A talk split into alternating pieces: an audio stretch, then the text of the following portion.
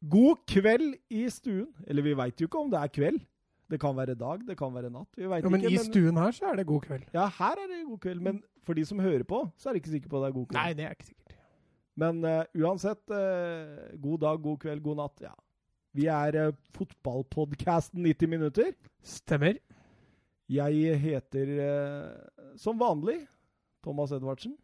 Og med meg så har jeg Mats Sortnes Granvoll. Ja. Og så har vi eh, tradisjonen tro med oss en til. Ja, hei, jeg heter Søren Døpke. Ja. Å, hørte du han sa det med tyk, tysk aksent? Ja, det var stum R? Er Ja. det? Ja, vi ruller ikke r-en. Nei, ok. Døpker, sier jeg. Det er greit.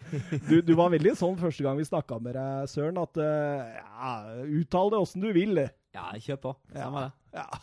Norsk så er det Dupker. Men eh, det er hyggelig å ha han på besøk gang på gang. Ja, absolutt. Han komplementerer oss fint. Ja, veldig bra. Nå er, nå er vi liksom er vi, Skal vi kalle oss eksperter? Ja. ja. Vi er eksperter i både Premier League, La Liga og Bundesliga. Ja. Det er fantastisk. Og interessert i Serie A. Interessert i Serie A, det er vi også. Og det er Champions League. mye rasisme der for Ja, tida. Altså. Nå var det. Balotelli. Ja, Nå var det Hellas Verona-fansen som var ute og slang med løppa. Mhm.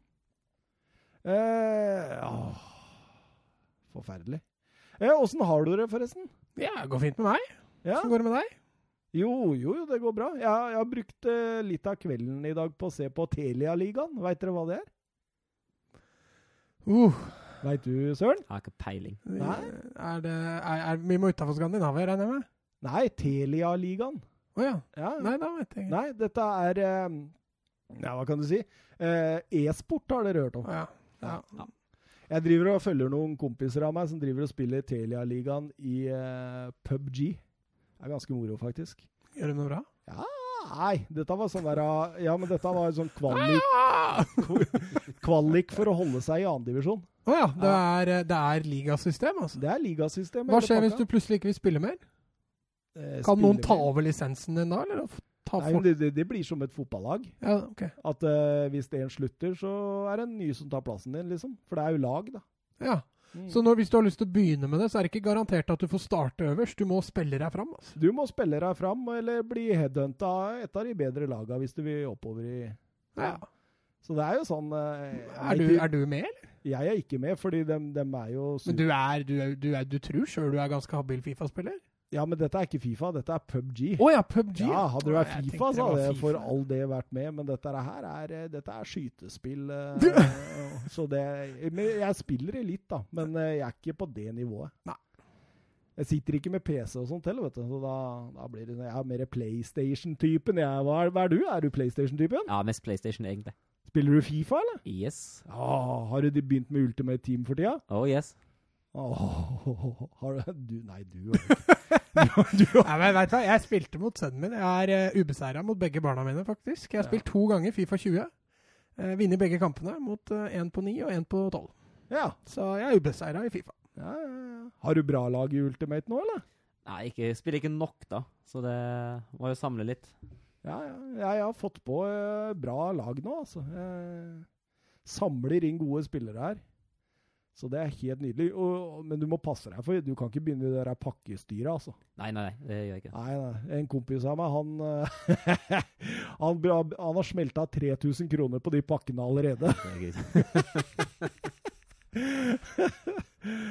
Det er deilig.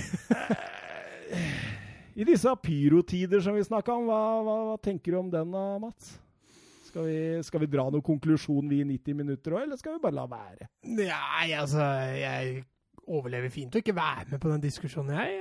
Jeg syns py pyro er kult. Eh, Så lenge det ikke er raketter ut på banen og kastes ut på banen, så er det stå på. De har vel gode tradisjoner med dette i Tyskland, selv om NFF eh, ikke var helt med på det. Mm. Ja, du, du pleier å stå på Åråsen, Søren. Ja, det gjør jeg.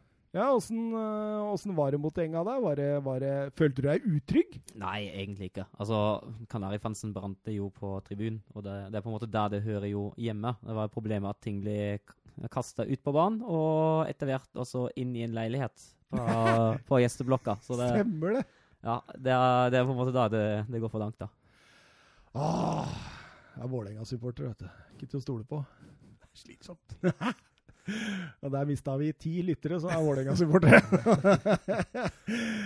eh, nei eh, Skal vi snakke du, du, snakket, du hadde lyst til å dra ned på sentralpuben du snakka om eh, før sending her nå. Se en kamp? Ja, jeg syns vi kunne fått med oss en uh, CL-kamp eller et eller annet. Kunne Ja, dratt på en uh, lørdag. Dra ned og så Altså, det blir ikke CL på lørdag, selvfølgelig. Nei, nå Men, uh, CL for damer tror jeg er på lørdag innimellom. ja, det kan godt hende. Jeg følger ikke så godt med der. Men eh, sentralpuben, eh, fortsatt god skjerm eh, og god øl, så der anbefaler 90 minutter dere å dra og se din fotball. Utover det så tror jeg vi bare smeller i gang, jeg, gutta. Ja.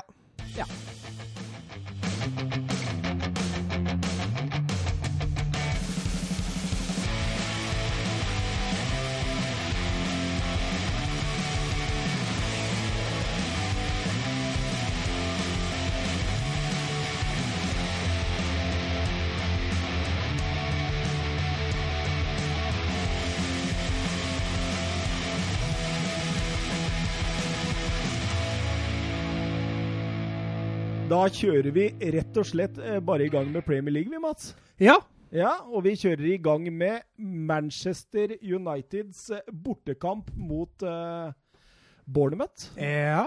Romsås mot Kristiansand. Joshua King mot uh, Ole Gunnar Solskjær. Ja, jeg må jo presisere at det er Kristiansund, da. Ja, det, er, det er ikke Kristiansand, nei. Nei, det blir feil ennå. Ok, jeg har hele tida trodd det var Kristiansand. Kaptein, kaptein Sabeltann? Ja, at han var han som var i buret med Julius. Nei, nå, nå, nå, nå skal jeg Nei, han er ikke en apekatt, Ole Gunnar Solskjær. Men eh, taktisk så er jeg ikke helt enig med han. Men vi skal vel eh, bare kjøre rett i matchen, skal vi ikke da? Jo, er du uenig med han taktisk, altså? Syns du ikke den fremstår greit taktisk? Nei, jeg gjør ikke det. Jeg gjør ikke det. Men eh, det, det har vi snakka om en million ganger, har jeg ikke det? Jo, jo. At, eh, Jeg bare prøver å få i gang en disk. Prøver å rouse you up a little bit. Allerede, ja? Ja. Nei Joshua King, skal vi si noe, eller? Fantastisk mål, eller søren? Ja, fint. Veldig, veldig bra. Men uh, stiller spørsmålstegn ved Van Bissaka, da. Som egentlig Han står med ryggen til mål, og så har jo Van Bissaka strengt tatt Eller burde ha kontroll på den situasjonen der. Men uh, fin bevegelse av King rundt forsvarsspilleren som står ganske statisk, mener jeg, da.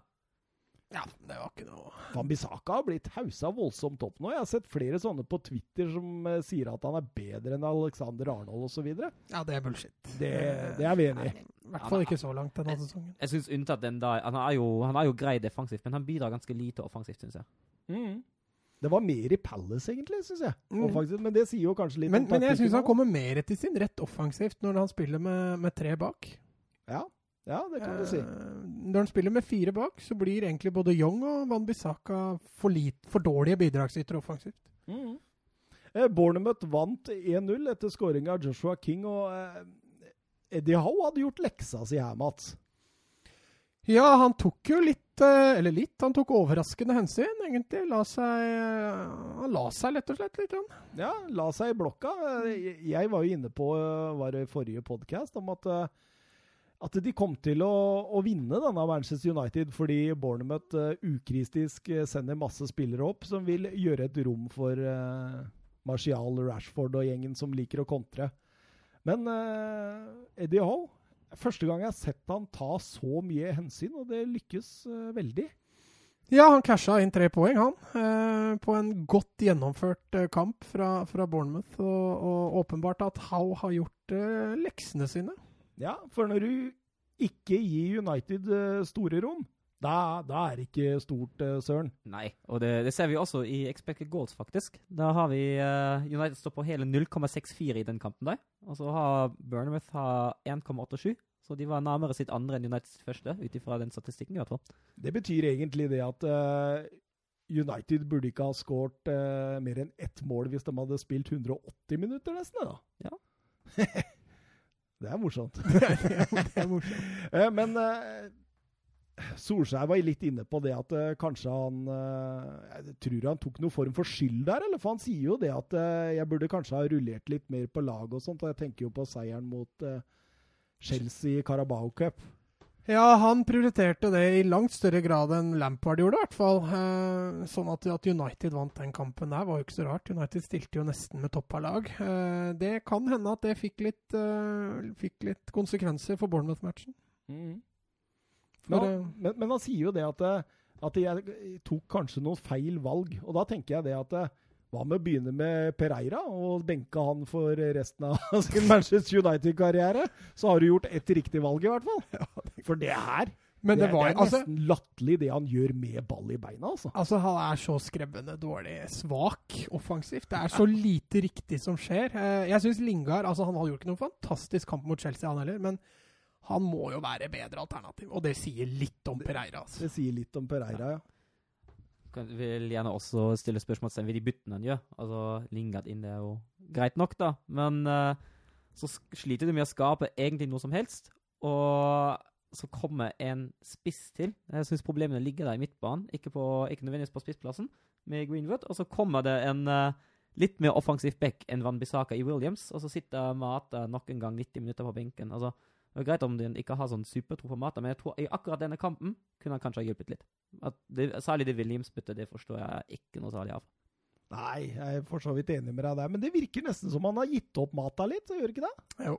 Eller ja, altså etter den Newcastle-kampen så har vel ikke Mata Han starta vel kanskje mot Partisan, hvis jeg ikke husker rett feil. Bortsett fra det, så så har Mata sittet på, på benk. ehm, men eh, jeg er helt enig. altså Alt er jo bedre enn Pereira. Så kunne jo like greit satt inn Ronny Johnsen der òg, egentlig.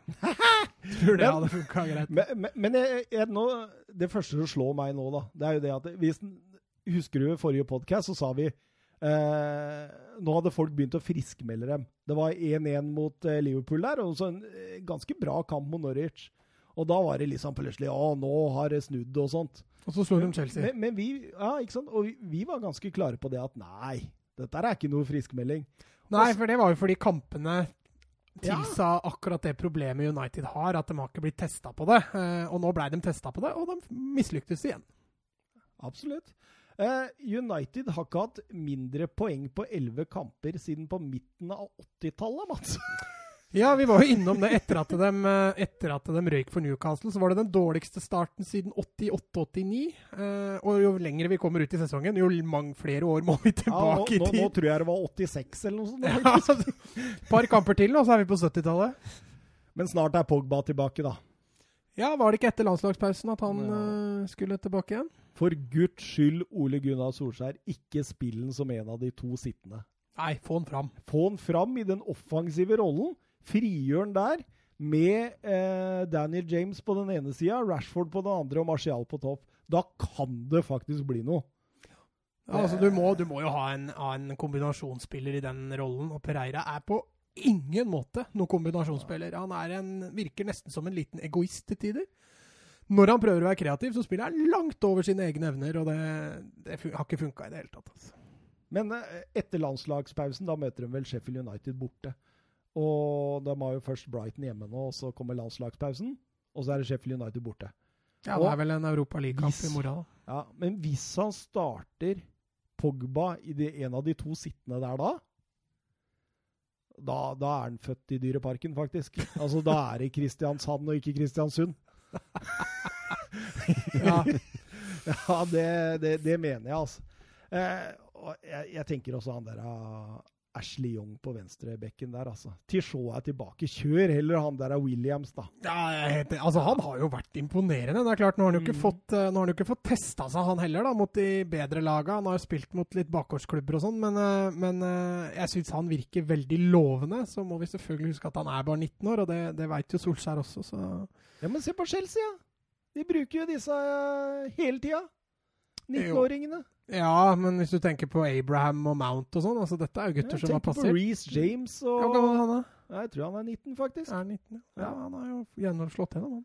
Eh, vi fikk jo et spørsmål her eh, Eller jeg fikk et spørsmål fra Jørgen Be Ready Nystuen. Han sier Se Ole Gunnar Solskjærs fem neste seriekamper fremover, og gi oss en ærlig tanke på hvor mange poeng de tar på de fem. Og da, da måtte jeg jo se, da. Hvilket fem lag er det de møter? Brighton hjemme. Kan vi begynne med den, da? Eh, Seier. Ja, det, det kan fort bli det, faktisk. Eh, det, jeg er litt der som jeg var med Bournemouth.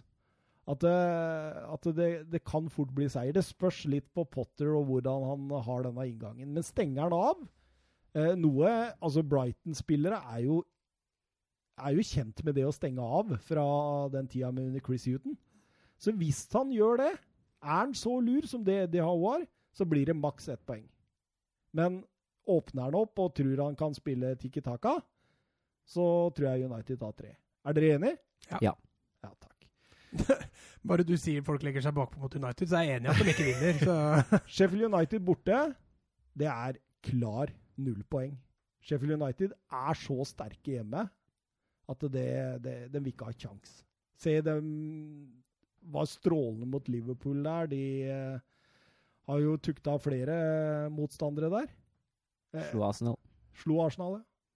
Selv om det Nei, nå skal jeg ikke Men uh, null poeng, er vi enige? Kan fort bli det. Er du? Ja. ja. Uh, Villa hjemme, der er det ny sånn Det kan bli tre poeng, men hvis Dean Smith i eh, Villa gjør hjemmeleksa si, så stenger han igjen. Og da tror jeg det kan bli en uavgjort. Jeg tror tre poeng. Du tror tre poeng. Du, Søren? Ja, Heller seier enn uavgjort, tror jeg. Altså heller hjemmeseier. Ja, da tror jeg uavgjort. Kanskje tap. Spurs hjemme. Eh, tap for eh, Ole Gunnar Solskjær. Det sier seg sjøl. Da er Spurs oppe og nikker igjen. Hva Er ikke du litt inhabil i den? Jo, eh, det er derfor jeg spør dere. Nei, altså Solskjær har jo til gode å tape for en av de topp seks-lagene så langt i år. Eh, Jeg tror faktisk ikke han går på et tap. Tottenham legger seg aldri i verden. Nei. Så der tror jeg United dårligst får uavgjort. altså. Ja, uavgjort. eh, Ifølge. Mats nå så blir jo Manchester United seriemester. De, er helt, eh, Og så City borte, da, Mats. Ja, den er klink 0-3. Rashford 2, Martial 1. Pogba med tre assist. Uh, City kommer til å valse over dem 5-0. Ja, det blir City-seier. Ja, det gjør det. Um, Men ikke 5-0, tror du det? Men til Jørgen, da, så har jeg kommet da fram til ett, fire Maks fem poeng på de neste fem kampene. Ja, så etter fem kamper til, og så står United da med 18 poeng, da. Ja. Det, det, det gjør det. Mm. det. Det er jo ikke så gærent tips, det. Nei, ja, det er gærent tips. Jeg det er ikke så gærent, det. trodde jeg skulle si. Eh, videre så har de jo Everton, Watford, Newcastle, Burnley og Arsenal før de møter Norwich hjemme, som de sannsynligvis vil vinne. Eh, da er vi snakk om oppe i juletider. da. Eh, 25 poeng til jul, kanskje. Men Da er han jo ferdig. Ja, men jeg har ikke lyst til å sykle til Sandnes, så det, det, det er ja, så du tipper med hjertet, ja? Nei, tipper med hodet. Han har sagt det hele tida. Tror du han får sparken, eller søren? Ja, det Ja, tror jeg. Takk. Takk. Tror du? Jeg har fått folket med meg. Det er deilig. Eh, Arsenal, Wolverhampton 1-1. Eh, scoring av eh, Aubameyang eh, etter 21 minutter. Eh, mens eh, Raúl Jiminez utligner i annen omgang. Emry benka PP, han. Og han, Ja, ben, han og han benka Sjaka. Det var kanskje ikke noe overraskende. Nei. Aubameyang er jo nå offisielt Nula-kaptein også, så han blitt degradert. Ja, Sjaka, ass. Han skrev et brev også, så jeg, til fansen, Ja. eh, hvor han forklarte situasjonen. Jeg syns jo det var godt voksent formulert av, av Sjaka. Det er lettere å kjøpe unnskyldningen hans, men, men det er klart det er veldig vanskelig for fansen å godta det som skjedde. Altså. Han kjørte et eh, rutinert lag der nå, Emery. Tydelig at han er litt pressa. Ingen Maitland Niles, ingen Willocks, eh, ingen eh, Saka, ingen Nelson. Eh, masse rutine. Øsil tilbake. Hva, trekker du noen konklusjon ut av det, eller? Eh, altså, Jeg tenker jo det at han hadde lyst på en seier igjen. Han har vært mye ute og surra nå. Uh, men når jeg, jeg så, så på kampen altså, Arsenal fikk ikke punktert dette. Wolves hadde Altså, De trøkka ikke Arsenal, men den var langt hvassere enn Arsenal offensivt. Og du satt jo bare og venta på utligninga. Uh, utover andre omgang så tenkte jeg at den må jo bare komme. og Han finner ikke ut av det. Nå spilte de 1-1 i Europaligaen i dag igjen, så nok en kamp uten seier. Eh, Søren, du kjenner jo litt til Aubameyang fra Bundesliga. Ja. Er det noe kapteinsevne? Det vil jeg ikke si, nei. Altså, han jo Han streiker seg jo faktisk vekk fra Borussia Dortmund. Eh, det var han og Dembélé som eh, Borussia har gjort veldig dårlige erfaringer med. Han hadde jo en fin eh, ordkrig med sin tidligere sjef i Dortmund, Hans Joachim Watzke, og da han betegner ham som en klovn. Sol Solskjær? Nei, nei, Nei. ok. Jeg, mener ikke altså, Nå vet man jo ikke hvor han er i garderoben, men som han framstår som type, mener jeg ikke at Aubameyang er noe kapteinsmateriale i det hele tatt. Mm. Ehm, Emry er under voldsomt press nå. Kommer jeg, jeg så et banner på stadion der. Det sto uh, 'Wenger out', og så hadde de kryssa ut 'out' og skrevet 'inn'. Ja, er ikke han sterkt rykta til Bayern nå? Ja, han er det. Ja, Vi kommer tilbake til det. Ja. Eh, de, de er ikke fornøyde. altså Det handler mest om eh, taktiske disposisjoner, og ikke minst eh, eh, de, de spillere han velger i de forskjellige posisjonene, etter hva jeg forstår på Arsenal-fans. At de, de skjønner ikke helt eh, tankene hans bak ting. Og, og kjøpet av David Louis, det er vel ikke akkurat eh, Hjelper han ikke? Nei, men altså, han varierer jo litt. da. Nå var det til en, en slags 4-3-1-2-formasjon. Det blir jo utrolig smalt eh, for et lag som Wolfs, da, som har så mye kvalitet rundt på kant og sånn. Så syns det var en litt merkelig vurdering av, av eh, Emery. Eh, og at presset der øker, er vel ikke så rart. Arsenal skal jo kjempe i toppen. Det gjør de ikke nå. Nei. Og de er litt redda, tenker jeg, av at de har så mye kvalitet fremover i banen. Aubameyang, 50. målet på 78 kamper der. Mm. Han, eh, han eh, leverer, altså. Han, det er vel kun seks Arsenal-spillere gjennom tidene som har vært raskere til å skåre 50 mål enn uh, en Aubameyang. Derav blant Ian Wright. Thierry Henry. Nei, jeg tror ikke Nei. han var på lista. Det var masse sånne fra 2030-tallet, så Ian Wright. Ja. Ja. Uh, Jimeneza, hva sier vi? Han fortsetter, han. Ja, han eh, har for alvor kommet i gang etter en litt trå start, så, så har han jo begynt å putte nå. Jeg er veldig fan av ham. Syns han er en uh, veldig god spiss. Har egentlig alt en spiss trenger. Er veldig fin spiller. Det er, det er veldig sjelden du ser en så robust fysisk spiller med så god grunnteknikk. Mm. Det er sånn Han kan leke seg på bakken òg. Sånn, husker du Tore André Flo? Å, det var deilig å se Tore André Flo! Ja, men det er seriøst. jeg, jeg, jeg skjønner hva du mener. Ja, han så jo ikke ut som han hadde teknikk, men han uh, kunne leke med Brasil i 98 i hvert fall. Hva het han derre muskelbunten i AFC Wimbledon? Vet du, han som uh... Akiyemi. Ja, Akiyemi. Ja, ja, ja. Åh. Men han kunne faktisk spille litt ball, han. Ja, så, du, så du når han fikk utspill og plukka ned på kassa og skjerma, eller? Det var betongblokk. ass. Eh, videre Aston Villa Liverpool eh, 1-2. Eh, så lenge ut til at Aston Villa skulle ta en etterlengta trepoenger da Trezeguet satte inn 1-0, men eh, på de siste minuttene så snudde Liverpool. Eh, Robertson først og Mané eh, fire minutter på overtid. Det er mentalitet. Ja, du sendte meg jo en melding med at uh, marginer, marginer, marginer. Uh, Ja, jeg det, for, svarte for, jo fordi, jeg, ja, fordi jeg tenker litt på det Vi fikk jo et spørsmål eh, angående det at de hadde jo liksom eh, sluttminuttene mot Leicester. Eh, Tottenham, det kunne gått annerledes om Son eh, skårte når han var igjennom der. Chelsea kjørte dem ganske hardt i tider, men de klarte å roe seg unna det. Ikke sant? Og så, altså Du er jo vant til at de laga som ligger oppi der og har såpass god margin ned da, til kanskje nummer tre og nummer fire, at de vinner litt overbevisende. Mm. Men det er lenge siden Liverpool har vunnet overbevisende. Ja. Så det var litt av det tanken min. At nok en gang da, så styrte de marginene. Men så, har jeg tenkt også det er fantastisk mentalitet i det laget. da. Ja, så kan du slenge med den kampen de hadde i går òg. Eh, slo Genk 2-1, leder 1-0 for utligningen. Og så, så ror de i land en 2-1-seier der òg. Det er jo et kjenne, kjennetegner jo et, et, topplag, i hvert fall. Ja, absolutt. Eh, Hva tenker du om eh, Firmino-offsiden var?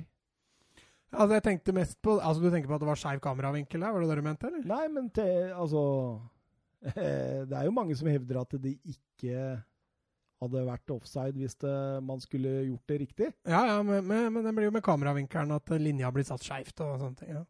Nei, altså, jeg, For meg blir det klin umulig å bedømme, egentlig. Jeg kjenner at det må bare stole på det. altså. Får, vi får ikke gjort noe annet. Det jeg syns er litt morsomt, er de som nå klager på vei.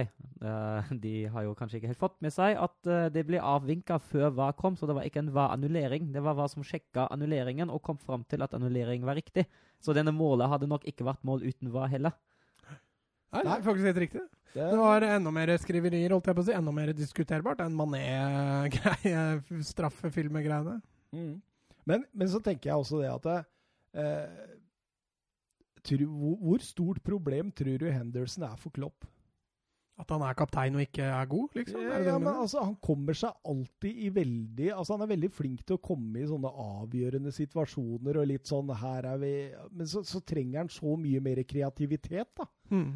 Jeg tror de er litt prega av det. at eh, med en mer kreativ spiller bak seg der, så ville også Sala ha tatt eh, Altså, for Sala er jo Kan dere huske sist dere så Sala spilte en god fotballkamp? Nei, denne sesongen her har han vært fryktelig under pari. Eh, altså, han er fortsatt en god fotballspiller, men, men eh, med tanke på hva han har levert, da, spesielt første sesongen, og kanskje også litt i fjor, men, men den sesongen her har det vært ordentlig dalende form. Altså. Det, Ja. Jeg er helt enig med deg, men spørsmålet er jo da hvem, hvem tror du Klopp hadde vraka? Tror du han hadde vraka Henderson eller Vinaldum hvis han hadde fått inn en, eh, en Modric, da? Ja, Henderson, tror jeg. Tror du han hadde gjort det? Ja, altså, han gikk er like kapteinspinnet til van Dijk. Jeg er ikke like sikker. Jeg tror han vil ha en kriger på, på Ja, men du kan jo ha en kriger som er litt mer kreativ enn det der, da.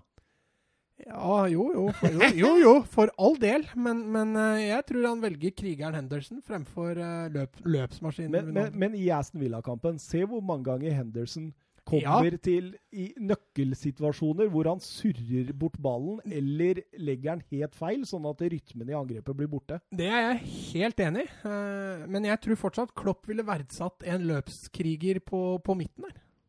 Og da heller dytta ut Vinaldum og satt inn en Modric der isteden. Ja, ja, kanskje det. Kanskje det. Eller en Coutinho eventuelt. Hva tror du, Søren?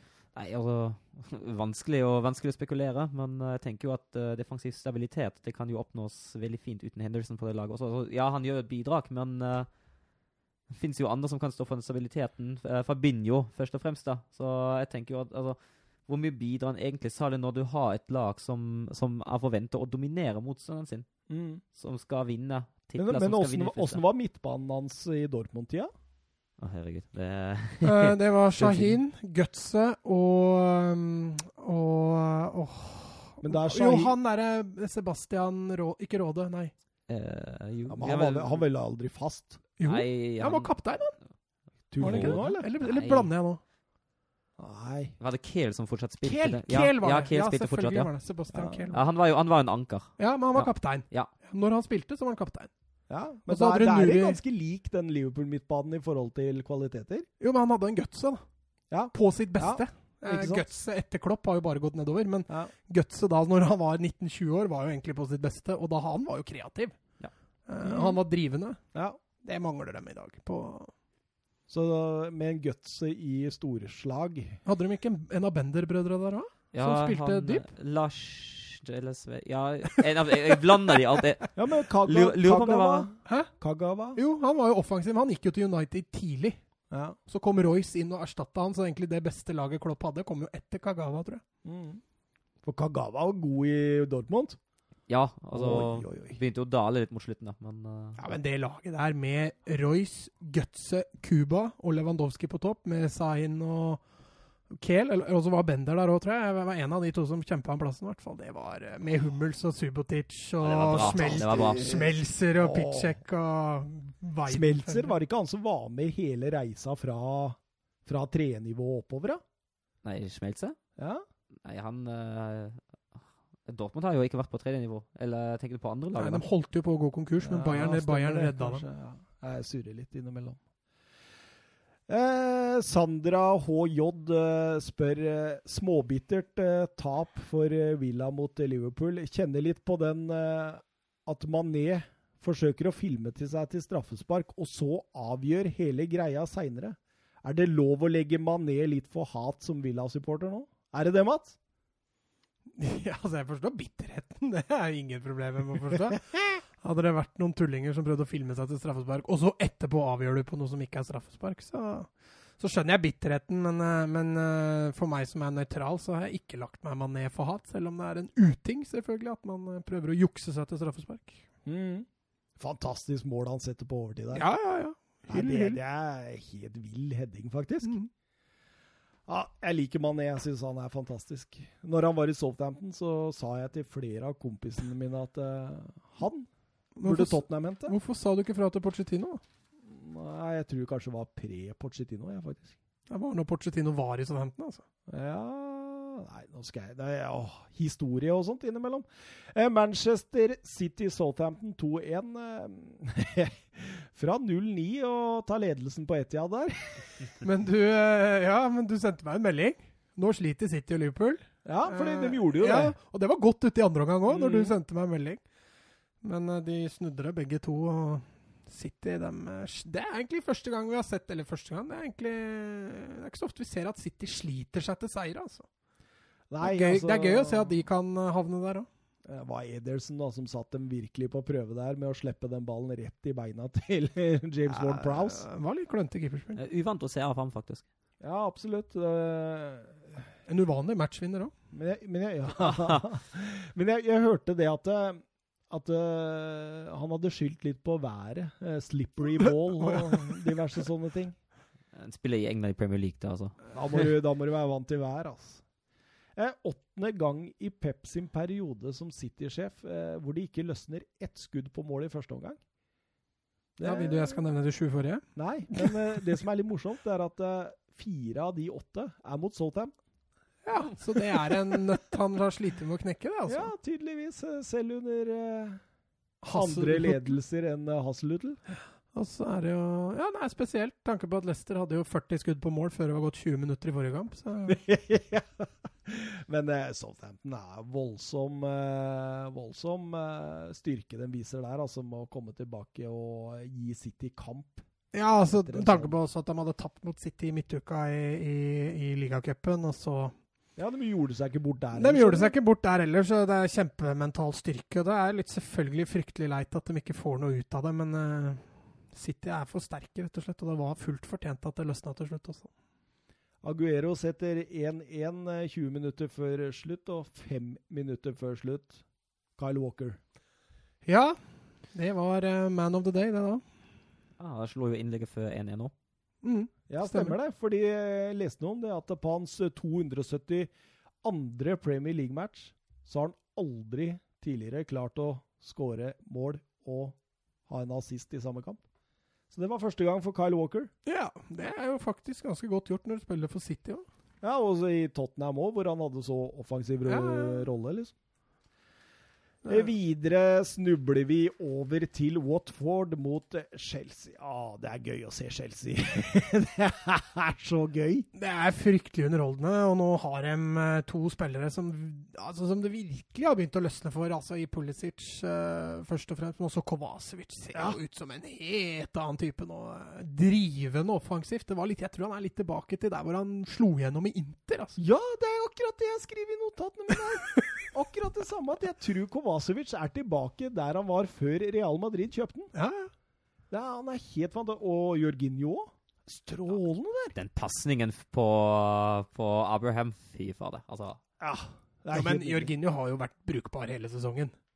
Ja, men uh, altså Og så var han jo brukbar i fjor òg. ja, Kovacevic var bruk- var jo Ja, men det er det du sier. Han var brukbar i fjor, men nå begynner Jorginho å vise seg som å være meget god, ikke bare brukbart god. Ja, ja.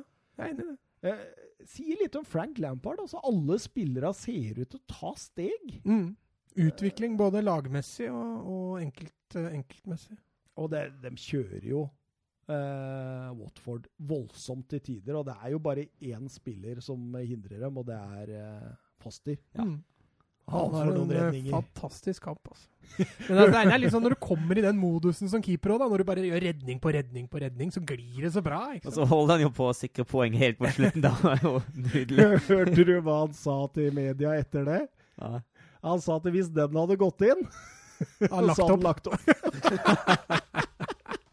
Da er det bare å Da har han gjort sitt. Men det er litt morsomt da, hvordan han omfavner Kepa etterpå der med liksom Å, det var bra redning her, liksom. Mm. Fantastiske scener. Eh, Foster, som har jo hatt en relativt bra karriere. Ja.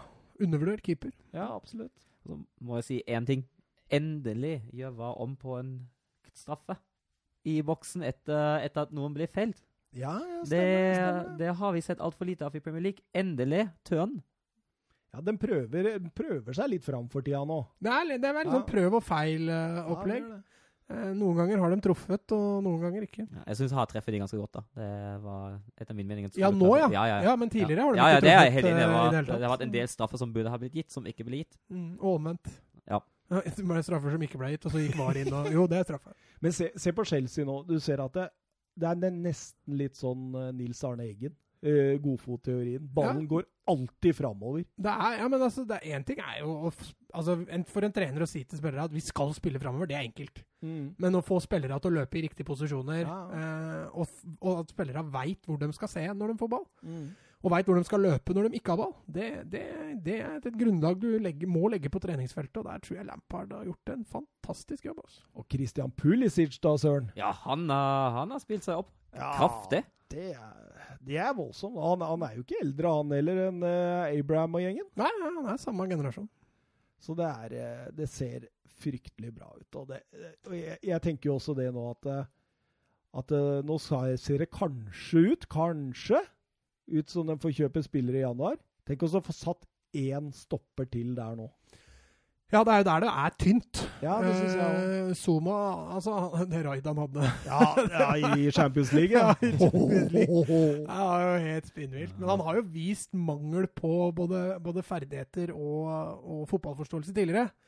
Men, men Tomori har jo vært glimrende. De venter Ja, på Rudiger. men han tjener sikkert på å kunne hvile litt. altså At Tomori ikke er en sånn spiller de skal spille fast uke inn og uke ut. Nei, Champions det, det er jeg helt enig. Så lenge. Rudiger og Christensen fader tute meg aldri blir friske, så, så kan det hende det lønner seg veldig å kjøpe inn en, en stopper. Og så Faen, tute meg!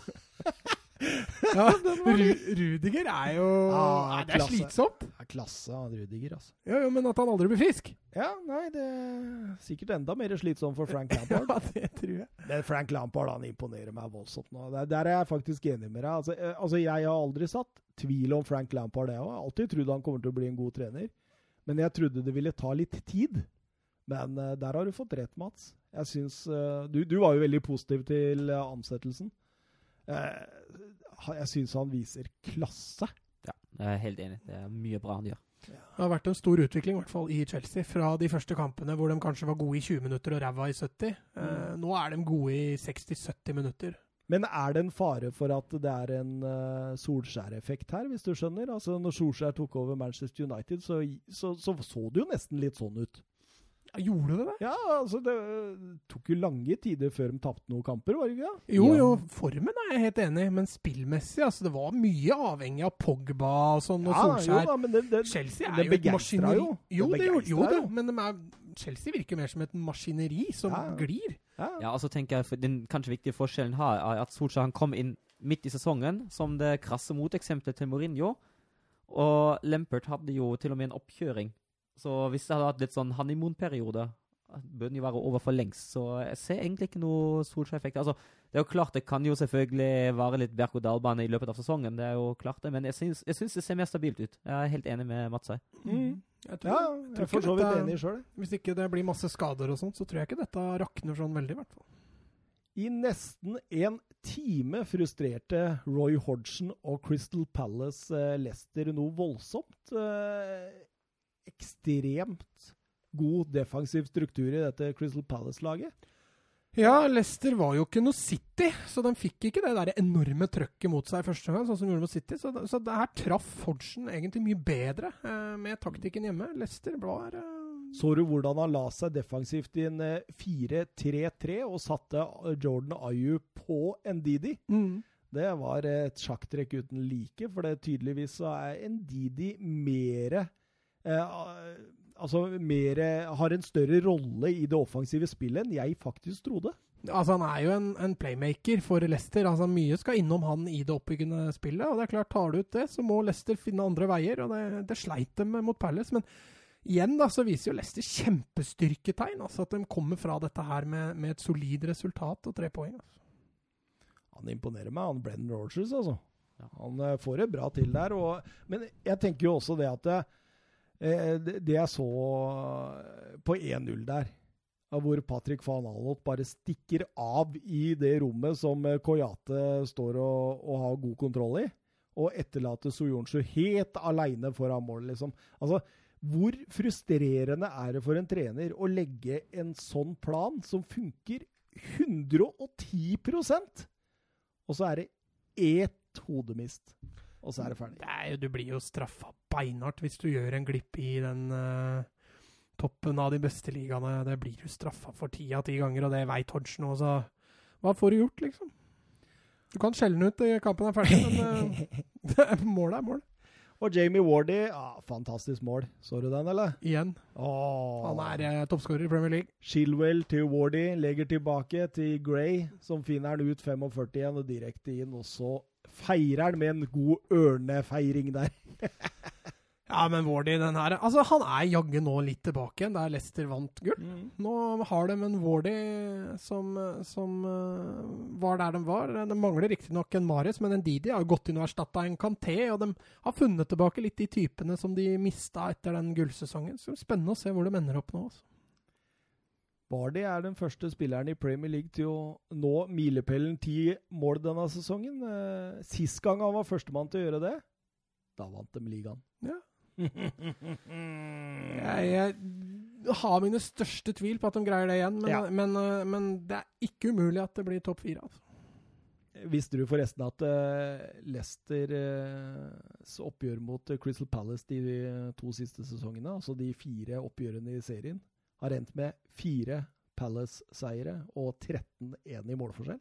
Så det var ikke gitt at dette skulle historisk sett. Bra. Ja, Bra, absolutt. Videre til uh, Everton-Tottenham, eller? Åh.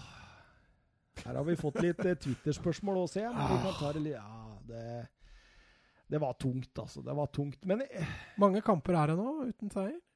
Eh, du tenker på borte, eller? Jeg tenker på totalt i Premier League. Ja, det er ikke sjekka, men de har ikke vunnet borte siden 20. januar 2019. Oi. Så det er voldsomme tall. Ja. Mm. Men eh, sist seier, var det mot uh, Palace, når de uh, børsta dem av banen her? Det kan fort være det. Jeg jeg har ikke sjekka det så veldig nøye. Det er, jeg syns det er slitsomt, men der har vi jo Der har jo Tottenham egentlig tre poeng i bukselomma si. Ja, De har det. Og de spiller en bra bortekamp Ja, på mange jeg måter. syns uh, Altså de får, eh, Når de først tar ledelsen der, eh, så gjør de en veldig god kamp etter det. Så får de sånn utvist, og da altså Du ser mentaliteten i Tottenham-laget. De, de går ikke for 2-0 lenger. Det er, ikke, det er ikke snakk om å jage noe, det er snakk om å forsvare den ledelsen. Og, Mm. Det er det- litt lag i form. Uh, ja, det er akkurat det. Du har, Liverpool hadde rodd dette i land. Ja. Uh, Tottenham gjør ikke det.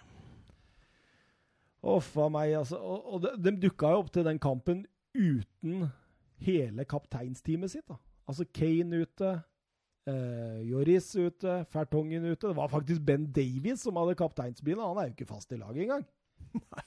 Så det, det sier jo litt, da. Men jeg, jeg, jeg syns de kom godt ut av det. Jeg syns eh, Ja. Altså det, det, det ødelegger mye, den der røde kortet der, altså. Ja, det gjør det. Uh, mister rytmen for Tottenham i det offensive. Um, Tottenham har jo ballen en god del mer enn Everton, men etter det så, så tar Everton over og jevner egentlig ut hele den possession, eh, possession-delen. og Nei, det er som du sier, jeg tror det sitter litt mentalt at uh, Tottenham tenker at nei, fader, nå, nå blir dette slitsomt igjen, og, og da, da sliter de med å komme seg ut, altså. Eh, Gabriel Haaland han sier 'snakk litt om Son uh, Gomez-situasjonen', uh, sier han først og fremst her. Og det, den, den kan vi jo snakke litt om, fordi uh, vi, vi har jo snakka om den før også. før vi setter oss i studio her, og vi er jo alle ganske enige at det er jo ikke noe rødt kort-situasjon. Altså, Jeg så den bare én gang. Jeg så omfanget av skaden, og når reprisene kom, så snudde jeg meg vekk. Så jeg har, ikke sett, jeg har bare sett det live. Jeg har aldri sett reprise av det, så jeg, jeg tør ikke å uttale meg så mye. Men jeg har skjønt at det var en horribel avgjørelse, i hvert fall. Ja, det, det var det. Altså, det er en takling, han treffer han. Det, det er et gult kort. Det, det er helt greit. Han har seint- Han har seint ute mot spillene. Det Soleklart frispark og gult kort. Og så ja, det ikke, Etter min mening absolutt ikke noe rødt kort. Det røde kortet blir det bare pga. den skaden. Altså, Jeg mener jo det at det er en av de største skandalene i Premier League på lang, lang tid. For han har jo det gule kortet opp, viser det til Son. Var jeg ikke med i bildet der i det hele tatt? Så går han bort, og så kikker han på Gomez. Og så snur han seg mot Son igjen, som er jo sønderknust, for han har jo sett hva som har skjedd. Og gir han det røde kortet. Da, altså, Du gjør Son til en syndebukk i en situasjon som du nærmest finner eh, ti stykker av i Premier League hver eneste runde. Ja, men ikke uten de konsekvensene, bare. Nei, nei, men altså, det er det jeg mener. At du dømmer etter Mm. konsekvenser og ikke etter handling. Og, det, og, og når jeg hører da også eh, forklaringen til Premier League i ettertid, så blir det jo helt galskap. For den sier jo det at det, det er Altså, skadeomfanget er avgjørende for det. Altså, det, det betyr jo det rett og slett det at, eh, at det kan bli rødt kort i hver eneste situasjon en spiller takler en annen og den eh, motspilleren faller i bakken, fordi det kan være et potensielt skadeomfang. Ja, jeg er helt enig. Det går ikke an å dømme, dømme på den måten. Nei, det, det vil jo bli skandale, og hvis de skal følge den røde tråden, da Men- blir men- fotballen i Premier League spennende framover. Men Son, han fikk det røde kortet omgjort, gjorde han ikke det? Ja, det var en uh, ikke av FA. Tottenham anka til FA, FA sa nei, og så sender dem det videre til en uavhengig kommisjon. Ja. Og dem uh, strøyk det. Men da blei jo ikke den skandalen så stor. Men det er klart nei, men de eh, taper jo de taper- de taper to poeng. to poeng på det, og det at de Altså det er, det er litt annerledes å gå inn der på eh, Gå ut fra den kampen med 1-1 enn å, å ha vunnet den og gjort en god bortekamp, Ja. og så på en måte Nå kanskje snur vi det, liksom, og nå, nå er det nye tider. Men, men, men eh, Gabriel Haaland er også litt inne på det at eh, vi må snakke litt var i den kampen, om vi orker, skriver han her. Hadde Everton fått var på sin side, hadde de hatt eh, to siste kampene, hadde de hatt en sjetteplass. Ja, eh, For da snakker du om Brighton borte nå? ja, vi var jo enige i det, at Ja. der er de jo rundlurt av var, Ja. egentlig. Men her Rundlurt. Her syns jeg ikke det. Her syns jeg altså de tre situasjonene det snakkes om, altså det er to til Everton og én til Tottenham, det er helt fair, tenker jeg, å ikke gi noe eh, straffespark på noen av dem.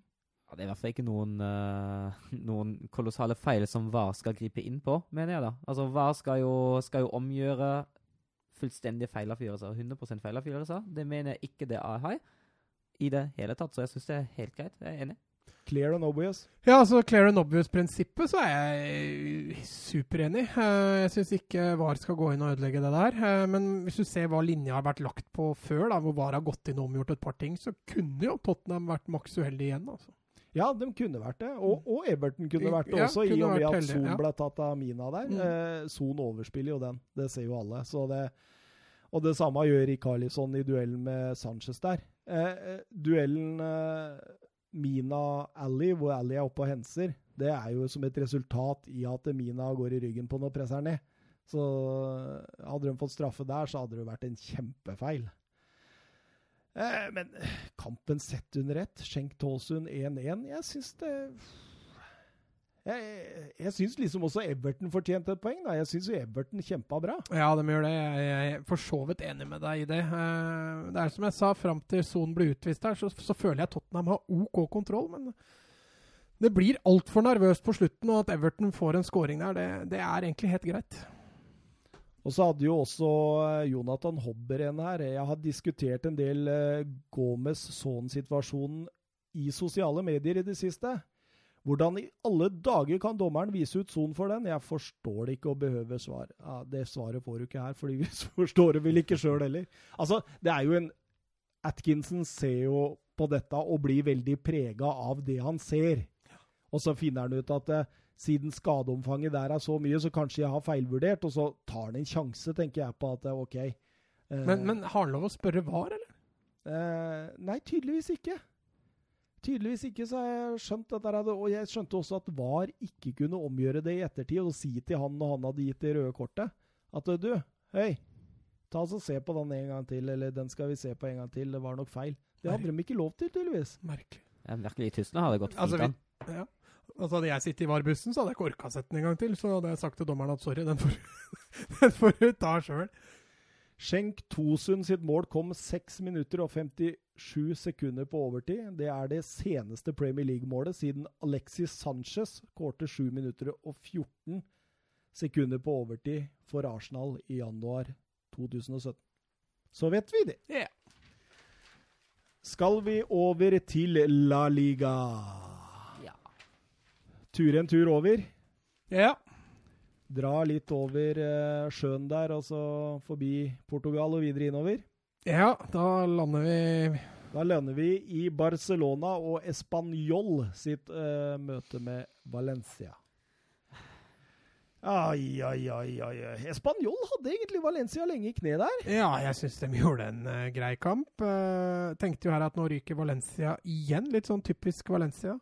Español sliter jo under streken, og, og, dette var en kamp Valencia absolutt burde vinne. og Det, det greide dem til slutt, men eh, det, det, tok litt tid.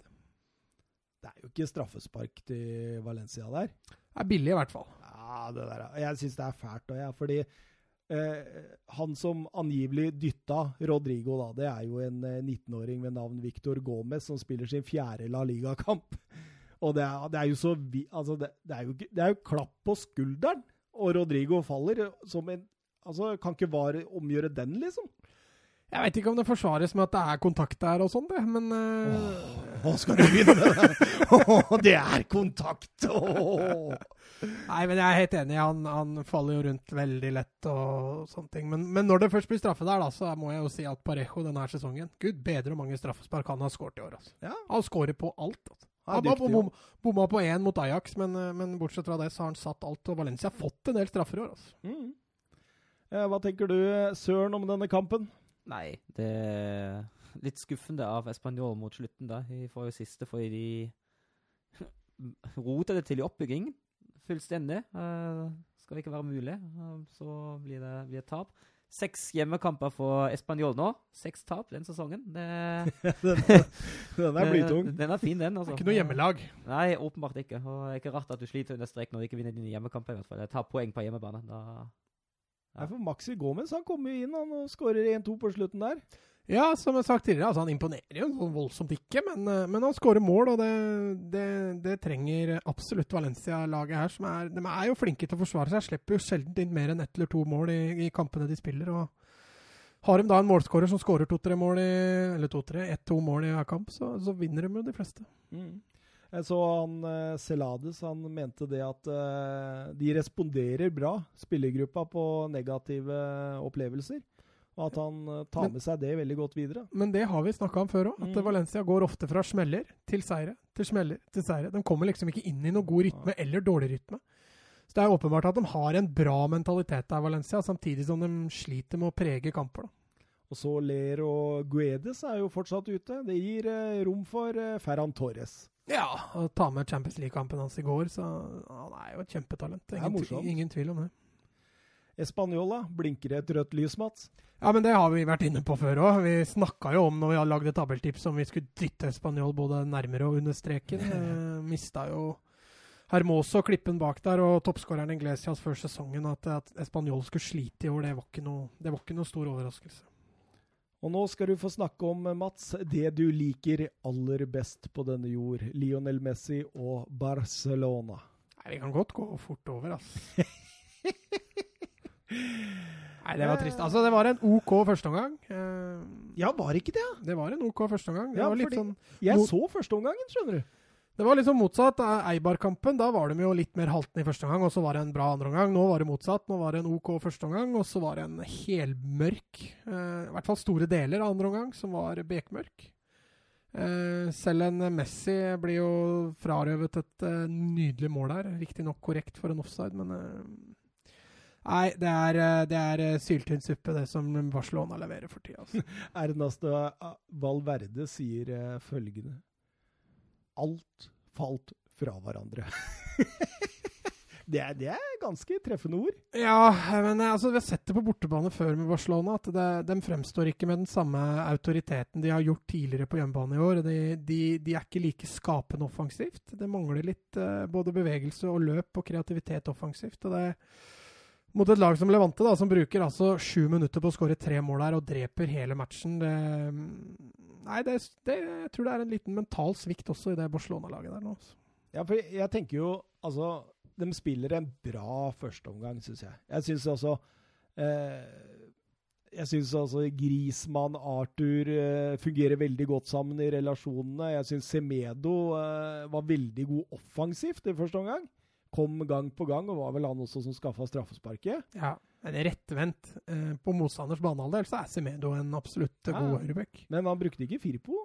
Firpo Nei, Firpo sliter med skade. Ja, ok. Eh, så han eh, Og så tenker jeg det at det, når du spiller en så positiv omgang på bortebane og har såpass grei kontroll, så hva er det som gjør at de slår av lyset og tar kvelden? Er det gammel vane? Kan det være det? Eh, noe så enkelt som det? Nei, jeg, det er veldig vanskelig å si. Men, men det jeg syns er veldig påfallende, det er jo det at det bort, eller når Barcelona spiller borte, så merker man også at motstanderlaget veldig ofte føler at vi har muligheter. Eh, på kamp nå så føler man til og med Sevilla, Valencia, de, de bedre lagene, da føler, jeg tror de føler at her har vi ikke kjangs. Mens Barcelona de slipper seg kanskje ned et par hakk. De har ikke, har ikke den selvtilliten på bortebane som de bør ha. Og motstanderlaget de, de tør i mye større grad hjemme på sin hjemmebane enn det de tør på kamp nå. og da, da får de, eh, kommer til å få flere av de skrellene her utover sesongen. Det er jeg 100% sikker på. Er Piqué over the hill, eller? Ja, altså, jeg, jeg ser ikke på Piquet som hovedproblemet, men, Nei, men, jeg, bare, eh, jeg, bare, jeg bare la merke Ja, til hvor han er- ofte han er ute Ja. i posisjon. Og han er på vei nedover, det, det er jeg helt enig i. Men, men uh, roten av det vonde her, det, det ligger ikke hos Piquet. Men uh, hadde han vært i glory days, så, så kan det vel hende han hadde renska opp litt mer enn det han gjorde. For det, jeg tenker jo det Altså, husk Piquet, Puyol. Ingen kom igjennom. Nå er det Langlais og Piquet på nedadgående, liksom. Det, er- det, det teller litt, det òg, altså. Nei, Jeg snakka om det før sesongen òg, at jeg syns det var rart at Umtiti har mista plassen. Eh, Jeg syns ikke han hadde spilt seg ut i det hele tatt. Han var skada riktignok lenge, nå er han jo skada igjen. Men uh, Lengli har ikke overbevist meg, og gjør det fortsatt ikke. Eh, så et liten eh, videosnutt av Arsen Wenger som satt i beinsport og forklarte Barcelonas fall. Han sier at eh, det, er, det var et fantastisk kollektiv før, og, og på toppen av det satt Messi. Eh, I dag eh, virker det som alle venter på Messi. Det kollektivet er blitt borte. Det mangler karisma. Det er ingen respons etter 3-1 i det hele tatt. Før så tenkte man 3-1, ja, Barca kommer tilbake. Nå tenker man De kommer aldri tilbake fra dette. Mm, jeg er helt enig. Det var litt det jeg var inne på, at det mangler litt den autoriteten. Den der med at vi er best, og vi, bare vi skrur opp tempoet, så, så går dette fint. Nå virker de helt lamma, altså. Søren, hva tenker du? Nei, jeg er jo enig. Det Ja. er litt, eh, litt tynn suppe om dagen, rett og slett. Litt tynn suppe. Han Campania, han er- han er bra for tida, da. Ja, men han var et kjempetalent òg. Eh, falt litt ut av det. Så har han jo gjort en par bra sesonger relevante nå, så det er vel, hvis han fortsetter dette, så tror jeg fort han kan bli plukka opp. Og Majoral, eh, som ikke skårer voldsomt mye mål. Han har skåret mot både Real Madrid og Barcelona i denne sesongen. Ja, jeg veit ikke. Har han tre mål nå? Jeg tror kanskje han har tre, kanskje fire. Men, Kommet seg eh, opp dit, altså. Han har kommet seg helt opp dit, så han, eh, men han skårer når det gjelder. Eh, vi har noen Twitter-spørsmål, det er sannsynligvis mest til deg, Mats, eh, siden du er vår eh, Barcelona-ekspert. Gabriel Haaland, Valverde, hvor lenge varer han? Eventuelt erstattere. Jeg så nå at han har fortsatt full støtte fra styret, eh, og at Bartomeu fortsatt Altså, Bartomeu er jo en president som ikke tar forhastede valg, og Mm. det er jo for så vidt en, en god ting, men, men nå må jo folk begynne å se ut på banen. Eh, for det, hvis vi slenger med den Champions League-kampen de hadde i går, det var fryktelig dårlig. Eh, og da var de til og med på hjemmebane. Eh, der har de jo normalt sett vært veldig sterke. Hvis de skal begynne å bra han Slavia, bra Sparta, bra keeperen, da. Ja, ja, for all del. Ja. Ja, ja, for all del. Og Messi burde jo ha skåret et mål eller to. Eller tre. Ja, kanskje tre òg. sånn at det var, ikke, det var liksom ikke helt bekmørkt, men, men du så at uh, Slavia Praha var ikke så redde for å ta sjansen. Barcelona greide ikke å utnytte det i det hele tatt. og Det er litt det vi har sett på bortebane også nå med Barcelona. og det... Nei, Valverde Men jeg tror fort Valverde får ganske god tid på seg. Jeg tror ikke de tar noen forhasta avgjørelser der. Det må et par eh, resultater til imot, tror jeg, før de eh, sparker han, og eventuelt erstatter det. Og så, og så blir det ikke lenge nok negativ trend før du får noen positive opplevelser. da. Nei, det er Og, akkurat og det. det, det er jo det, altså eh, Tross alt, de hadde vel åtte seire på rad i alle turneringer før dette. Ja, altså, altså hadde de jo skåra i 44 hjemmekamper på rad, eller noe sånt, hvis Ja, ikke jeg husker rett feil, uh, før den kampen her. Så det er hjemmebanen Men det, det var litt det som folk stusser litt på, da, at hvis de skal begynne å halte på hjemmebane også, da, da tror jeg ikke det tar så lang tid altså, før de hvite lommetørklærne kommer fram på kamp nå. Nei, eh, Sigbjørn Fatnes Bø er også inne litt på det. Tidvis håpløst i Barca om dagen. Eh, Hvor lenge varer dette? Det jo, det, det har du snakka litt om nå. At du tror det går i hvert fall litt tid igjen. Men tror du Valverde klarer å snu det, eller må, den, må han ut før det blir bedringer? Jeg tror at han må ut før, det blir, eh, før vi kan se, se bedringer. Eh, men det er som du sier, at det går for lang tid mellom de dårlige periodene. For det, blir jo ikke overraska hvis Barca nå vinner de åtte neste igjen. Nei, Eh, ikke sant? Ikke sant? Men det er klart, nå får de jo kniven på strupen i Champions League. Ja. Skulle de gå på en smell nå hjemme mot Dortmund, så har de altså alt å tape borte mot Inter i siste kamp. det kan få fatale følger, og- Ryker de i gruppespill i Champions League, da spørs det om de greier å forsvare Valverde noe særlig mer. Også. Håper du de ryker i Nei, altså Jeg har ikke så mye imot Valverde at jeg unner Barcelona å ryke ut for å bli kvitt Valverde. Det, det unner jeg dem ikke. Men, eh, men jeg håper de også ser der at eh, Valverde sin tid er i ferd med å renne ut. Altså. Mm. Vi hadde også et spørsmål til. Dette var direkte til deg fra Jørgen Nystuen. Eh, han spurte jo en del spørsmål der, så jeg må prøve å finne det først. Da. Det, det kan jo vise seg å ta litt tid, men her fant jeg det. Mats spør han. Hva gjør Barcelona annerledes på bortebane? Noe må det jo være. Men du, du, du nevnte jo det at det var eh, hjemmelaget, så- altså eh, motstanderen. Ja, altså jeg tror tror det er en del av, av greia der. Altså jeg tror mange lag nå har sett at eh, Barcelona sliter på bortebane, og at, at hjemmelagene tør å ta større risk når de møter Barcelona. For de ser det at de blir ikke straffa like mye som det de hadde blitt normalt sett. Samtidig så ser du et Barcelona-lag som mangler veldig mye bevegelse offensivt. Du så det mot Slavia Praha i går. Hvordan det laget står veldig høyt, men det kommer altså ingen dype løp inn i bakrom.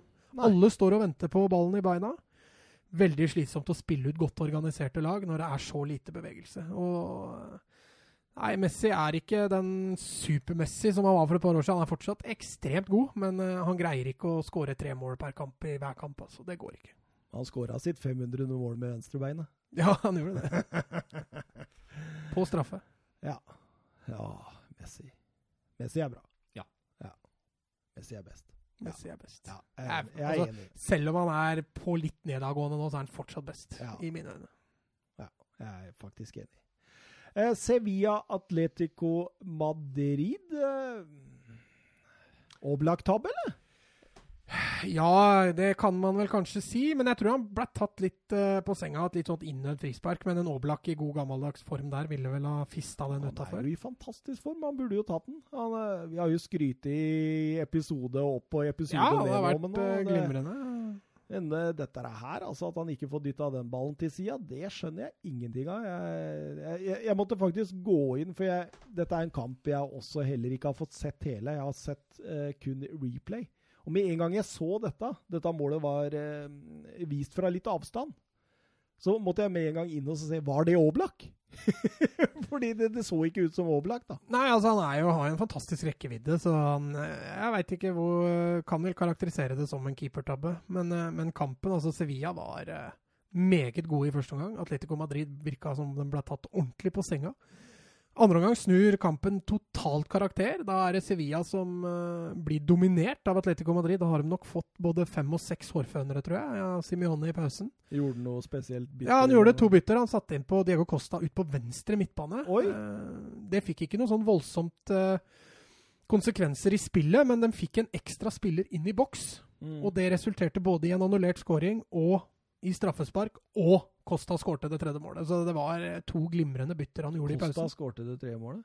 Nei, når de først skåra, Ja, okay, så var det sånn, sånn, ja. var Morata som skåra, men Costa var i boksen og Ja. forstyrra. Og, og Costa brant straffespark, og han fikk en skåring annullert, så han kom inn og gjorde, gjorde det han skulle, tror jeg. Ja. eh, Morata nå, han har vel fire mål på fire kamper, han. Ja, ja, jeg sa dette, jeg. Beste streaken han har hatt siden Real Madrid-tida, faktisk. Ja, men han var, han var fin på lengste der. Hedda sy- syns han ser ganske bra ut, ja. Eh, må innrømme det. Men uh, Hules Kunde der på slutten der, er det lov? Hvem situasjon tenker du på? Jeg tenker på når ballen spretter på streken der, og han setter Ja, seg på ballen. ja, helt enig! Den reagerte jeg på. Da tenkte jeg, bør ikke det være straffe?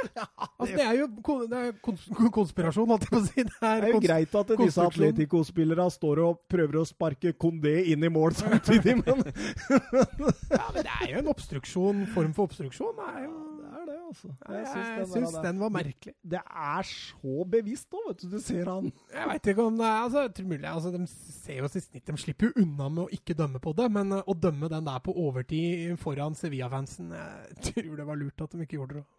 Det var Simione sin 300. La, La Liga-kamp for Atletico Madrid. Han har 185 seire, 68 uavgjort og bare 47 tap på disse. En meget sterk prestasjon med tanke på eh, hva, hvordan det laget så ut når han tok over. Men når det er sagt, Mats, så har han aldri tatt færre poeng etter tolv serierunder enn nå, og de har aldri skåra færre mål. Nei, men det har vi vært inne på tidligere òg. Det, ser- eh, det ser ikke så imponerende ut i år. Men, eh, men i og med at Barcelona og Real Madrid også er veldig haltende, så henger de fortsatt med. Real Madrid, Real Betis eh, 0-0. Eh, Må jo si at Real Madrid fortjente alle tre poengene der, da, men Ja da, definitivt. Jeg syns de hadde alt av spill. Eh, største sjansene, men, men Betis kunne fort ha kontra inn et mål eller to. Altså, for de, Mm. de var veldig bevisste på akkurat det. Han, Rubi la om formasjonen også, så han, han tok helt klart hensyn og prøvde å finne på noe lurt for å få til dette. Han kom jo på en måte seirende ut av det. den gamle Everton-reservekeeperen Joel Robles Han var god, han. Ja, han varta opp. Det er beste Ah. kampen han har hatt i Og det er klart, keepere er du helt avhengig av. Skal du ta poeng på Santiago Bernabeu og Camp Nou, så er du helt avhengig av en god keeper. Det viste Slavia Praha i går. Det viste Joel Robles på, på lørdag. Men apropos eh, ta poeng på Santiago Bernabeu. Det er jo Real Betis eh, godt vant med nå de siste åra, da. Ja, de avslutta sesongen i fjor med seier eh, på Bernabeu, og så er de, tok de poeng nå. Nå husker jeg ikke noe lenger To, det var for to år siden. Vant de vel, for, altså, nest siste kamp før denne vant de vel 2-0. Så vant de 1-0 forrige, så spilte de 0-0. Så man kan si at det får meg litt annet. det. Men uh, Real Madrid har vel ikke skåra på dem på tre hjemmekamper nå i serien, tror jeg. Nei, det er faktisk første laget i La Ligas historie som har eh, tre kamper på rad på Santiago Bernabeu uten å slippe i mål. Det er jo helt rått. Det er faktisk eh, Det er, det er wow-faktor, faktisk. Det er faktisk godt gjort. Eh, 0-0 på Santiago Bernabeu for første gang under Zinedine Zidans ledelse òg. Ja.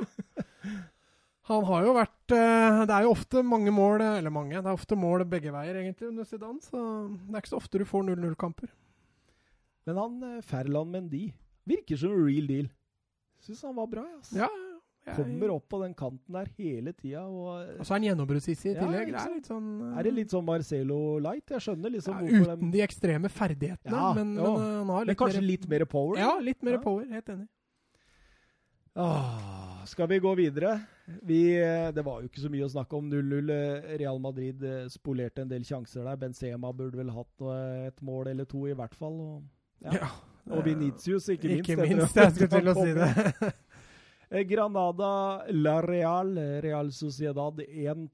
Eh, Sterkt av La Real uten en Martin Ødegaard på banen, som var skadet. Ja, de påførte Granada sitt uh, første hjemmetap uh, for sesongen, og, og er nå oppe av poeng, altså, med Barcelona og Real Madrid. Det er uh, meget sterk prestasjon de driver med i Baskeland der nå.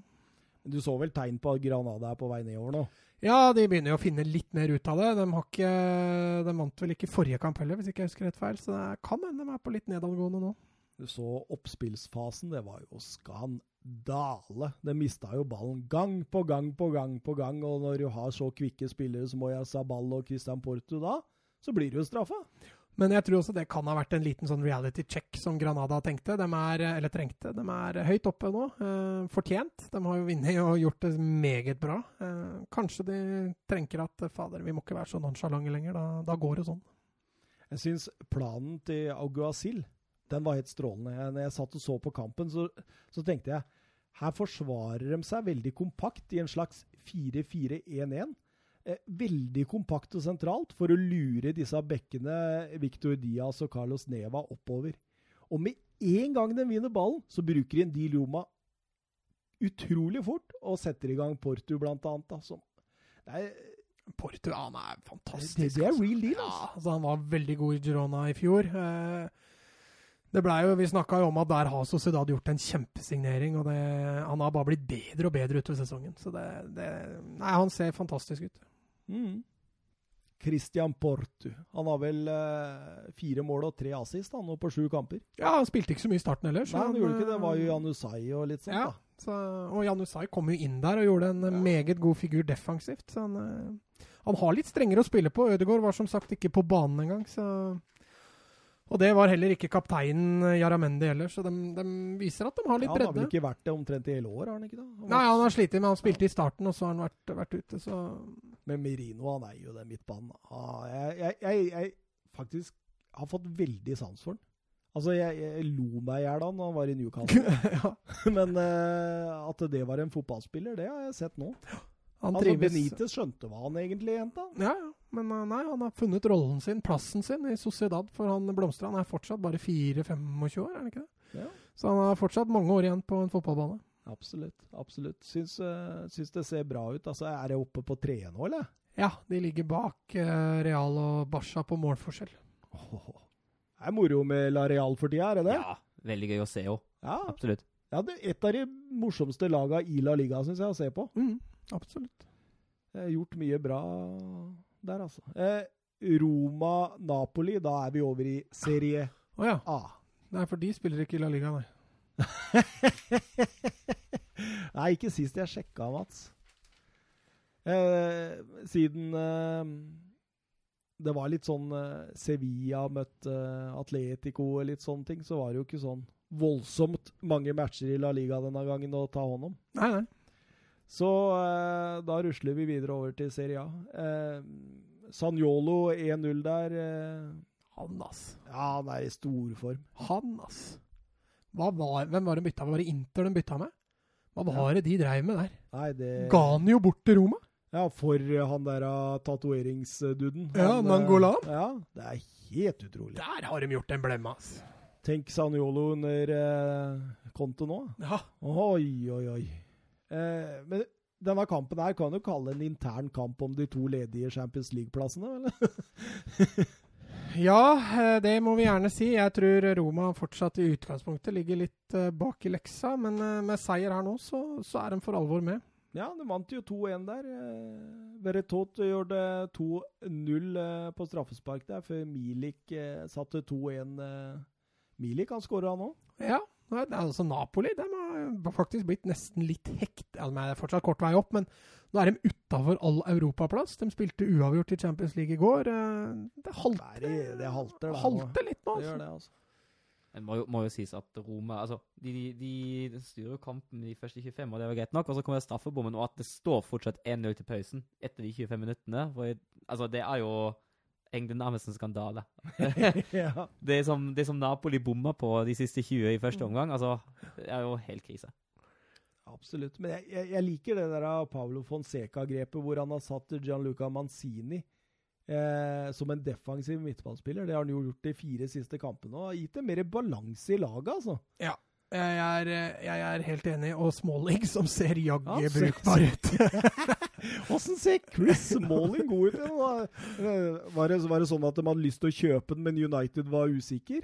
ja, nei, de ville ha De ga, eller det jeg leste, i hvert fall, var at de ga 100 mil for den. Altså United ville ha det dobbelte. 200 millioner for Chris Smalling. Ja. Eh, ja, jeg, jeg, men jeg syns uh, det er litt artig, det der greiene der med grepet på han har gjort med Manzini. For utgangspunktet deres er jo en 4-2-3-1. Men i angrep så ser du Manzini holder igjen og blir en del av stopperparet, som gjør stoppera til en trebekslinje, som frigjør Kolarov og Spinazzola. Og så ser du da at de kommer oppover på kantene, og så trekker Cloyfert og Sanjolo mer inn sentralt. Og du så det sleit Napoli voldsomt med. Altså, for de visste rett og slett ikke hvem spiller som skulle fange opp hvem. Nei, det er jeg helt enig i. Jeg syns uh, altså, trekket med Manzini som han har gjort et par matcher, har fungert uh, veldig bra. Manzini virker som en fotballsmart uh, type. Og da går han å spille litt uvante posisjoner på, på gutta, så få det til å gli. altså. Og Kolarov og Spinazzola er jo to spillere som er best offensivt. Så får du frigjort dem mer offensivt, så er det bare pluss. Tenk at Kolarov bomma på straffa. Hæ? Uff a meg. Ble rødt, rødt kort på slutten der òg. Ja, Ja, i, i debutkampen. Mm, han, de, han debuterte med rødt kort i det 95. minuttet der. Ja. Den er tøff. Den er slitsom. Eh, videre Bologna mot eh, Inter Milan. Eh, 1-2. Soriano, som du kjenner sikkert fra La Liga-tida. Han eh, Ja. satte 1-0 for Bologna, mens eh, Lukaku fortsetter å levere til tross for å være ganske anonym i kampene. Ja, men jeg syns ikke Inter gjør noe sånn hurra meg rundt av noe kamp heller. Eh, Bologna tok ledelsen der, og, og det var ikke noe sånn voldsomt ufortjent at de skulle skåre heller. eh, Selv om jeg syns Inter vinner fortjent til slutt, så gjør de det litt vanskelig for seg sjøl, altså. Burde Handanovic tatt uh, Ja, jeg også Ja. stussa på den. At der burde Handanovic ha klart å komme nok på den til å få den utafor. Altså. Jeg følte at det virka som han liksom ikke var sterk nok i hendene. Ja, den bare forsvant inn. Eh, Inter har jo flere sjanser også i forkant av, eh, av eh, 1-0-målet til Bologna. Jeg synes Både Lukaku og Latoro Martinez ser jo strålende ut sammen, syns jeg. Ja, det syns jeg også. Eh, et glimrende spisspar. Eh, Er det Serie A's beste?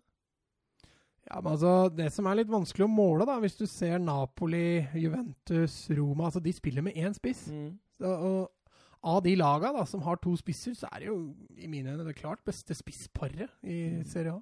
Jeg syns det komplementerer hverandre bra. Mm. Og jeg syns Martinez ser ut som en milliard dollar. Ja, så er han bare 22 år. Ja, Helt strålende. Var, var ikke han som så å si var eh, på vei til PSG her, da? Du sendte dem med Icardi isteden. Ja, jeg tror det var noen rykter om det der, der skjønner du. Jeg leste i dag at han faktisk har til og med kutta ut søtsaker og brus og hele pakka. Han er åpenbart veldig profesjonell på ernæringsfronten i tillegg, så det, det lover jo godt, da. Ja, så ung og så profesjonell. Det, For det er jeg litt usikker på om Lukaku har gjort, skjønner du. eh, Lukaku også. Åssen tror du det er for Ole Gunnar Solskjær å sitte der og se at eh, spissen han muligens hadde behøvd i store deler av denne sesongen? Ja, men Vi har jo sett det tidligere at han er ikke noe optimal som en enslig spiss. Jeg tror han tjener veldig på å ha Martinez rundt seg. Martinez, som har fått et veldig bra rykte nå, tar mye oppmerksomhet. og Da blir det mer rom for Lukaku, og det, det trives han åpenbart veldig godt med. Inter er det eneste laget i Serie A som har eh, vunnet samtlige bortekamper så langt. Ja, Og eh, positivt også for eh, Conta at eh, Stefano Sensi var tilbake i troppen, ubenytta reserve. Ja, de har jo hatt en åpning på den ene indreløperen der nå. og De har vært litt haltende nå når Sensi har vært borte, så jeg tror det er veldig godt for han å få tilbake en av de store kometene. Søren, kan du tenke deg hvem som skårte like hyppig på sine første kamper i Inter gjennom tidene som det Lukaku har gjort? Hvem som var den forrige liksom som gjorde de prestasjonene i form av statistikk og tall? Ja, Spør du meg om Serie A-historie nå? Ja, Hvilket, men, hvilket eh, titall må vi Ja, yes, på 90-tallet, Er det. Ronaldo, da, eller? Ja da, ja da. Den originale Ronaldo. Jeg holdt på å si den originale Cristiano Ronaldo. eh, videre eh, Derby de la Molle, som det heter, eller Derby di Torino. Om du vil. Ja, det ble et byderby der. Og eh, Mathis de Ligt. Matheis de Ligt, han ordna det, han. Han kom i fokus både på den ene og den andre sida. Sånn i forhold til hva jeg har sett av den hens-reglene i, i, i Serie A i år. Er ikke det straffespark? I forhold til den linja de legger seg på, skal ikke han, den hensen der, være straffespark til Torino? Ja, jeg syns det. Jeg syns det var eh, når, det, når, du, når du så han kom, tenkte du nå dømmer han straffe. Og så, hvis ikke, så kommer VAR til å bryte inn. Ja. Og så bare glei ut i sanda. Hva er det for noe med hendene til de likt, da? Det er jo, de er jo i fokus hver eneste kamp. Han, uh, han, har, han har lange hender, tydeligvis. Ja, Så får han overraskende få straffespark mot seg for det der. altså. Ja, han, han klarer å smette unna på enkelte steder, altså. Og, eh, men denne Sarri-ballen Ja, den uteblir. Ja, Men de vinner jo kamper. ja, de gjør jo det. Det er litt sånn Liverpool-style. Altså, de er jo Vi må jo ærlig innrømme å si at de var det beste laget mot Torino. De fortjente å vinne, men det er ikke noe sånn Napoli-Sarribal som vi husker. altså. Jeg digga kampens øyeblikk for meg. Det er når Belotti får ballen ute på høyresida der, den lange ballen. Og han tar den ned og kjører luka på Disgiglio. Og bare fosser inn i feltet og 45 ut. Ja, det er så deilig, for akkurat det skjer, så bare åh, og du bare utbryter sånne lyder som bare er helt nydelige. Sånne pappalyder. Ja, sånne pappalyder. Veldig avhengig av Ronaldo, eller?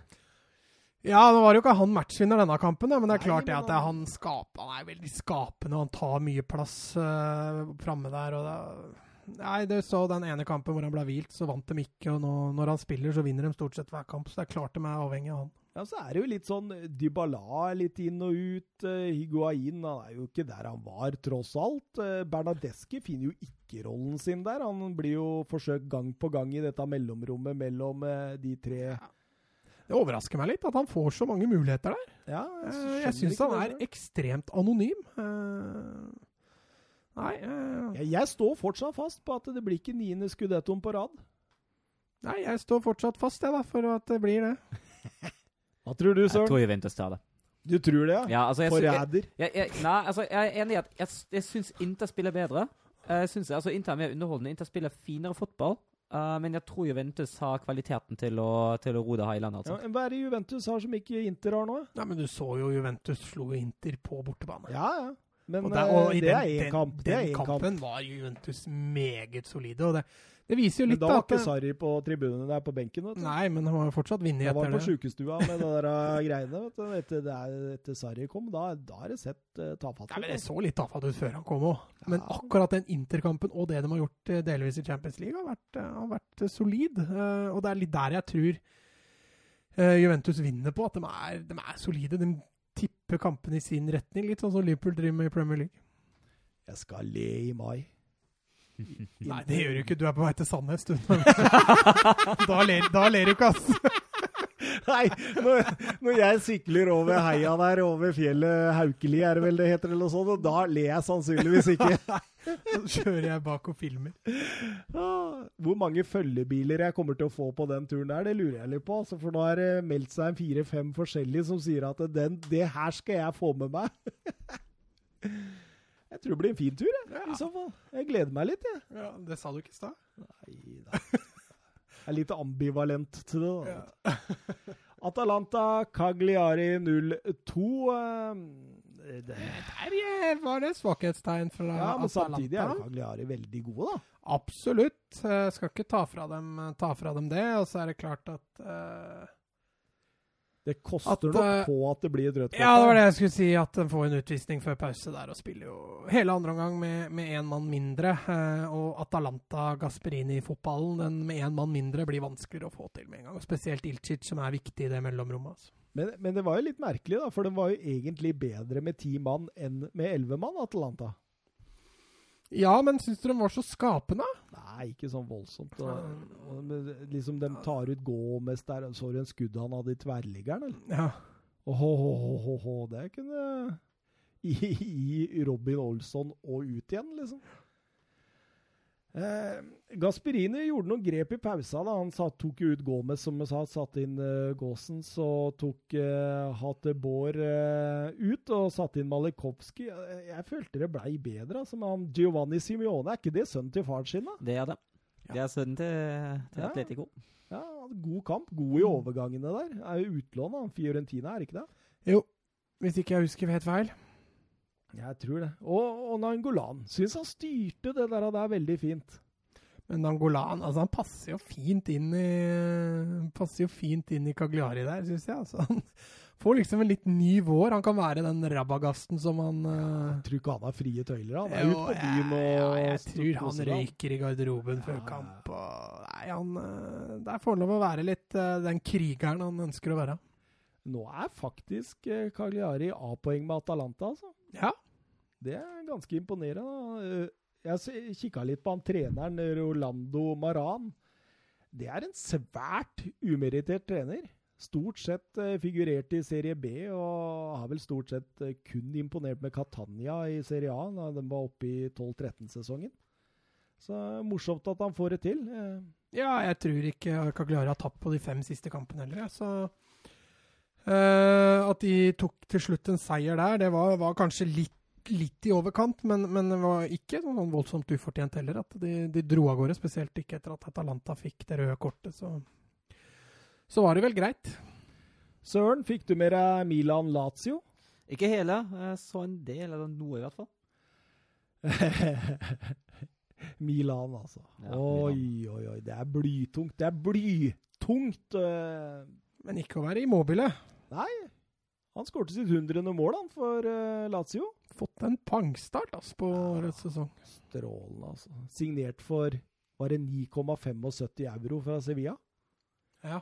Nå har han eh, Altså- 100 mål på 147 kamper for eh, Lazio. Altså, han mislyktes i Dortmund, han mislyktes i. Sevilla, og så blomstrer han i, blomstrer han i Lazio. Altså, det, er jo, det, er jo, det er godt gjort. Han står jo én mot fire i boksen på det han skårer. Det må jo sies at det skal jo, det, han skal jo egentlig ikke kunne skåre på det, men han gjør det likevel. Han er sterk i duellen, og det er kjempebra. Ja, Lazio har to tidligere Sevilla-spisser som leker seg for tida. Jeg syns jo Joaquin Correa har vært, ja. uh, vært meget solid. Meget, meget bra. Mm.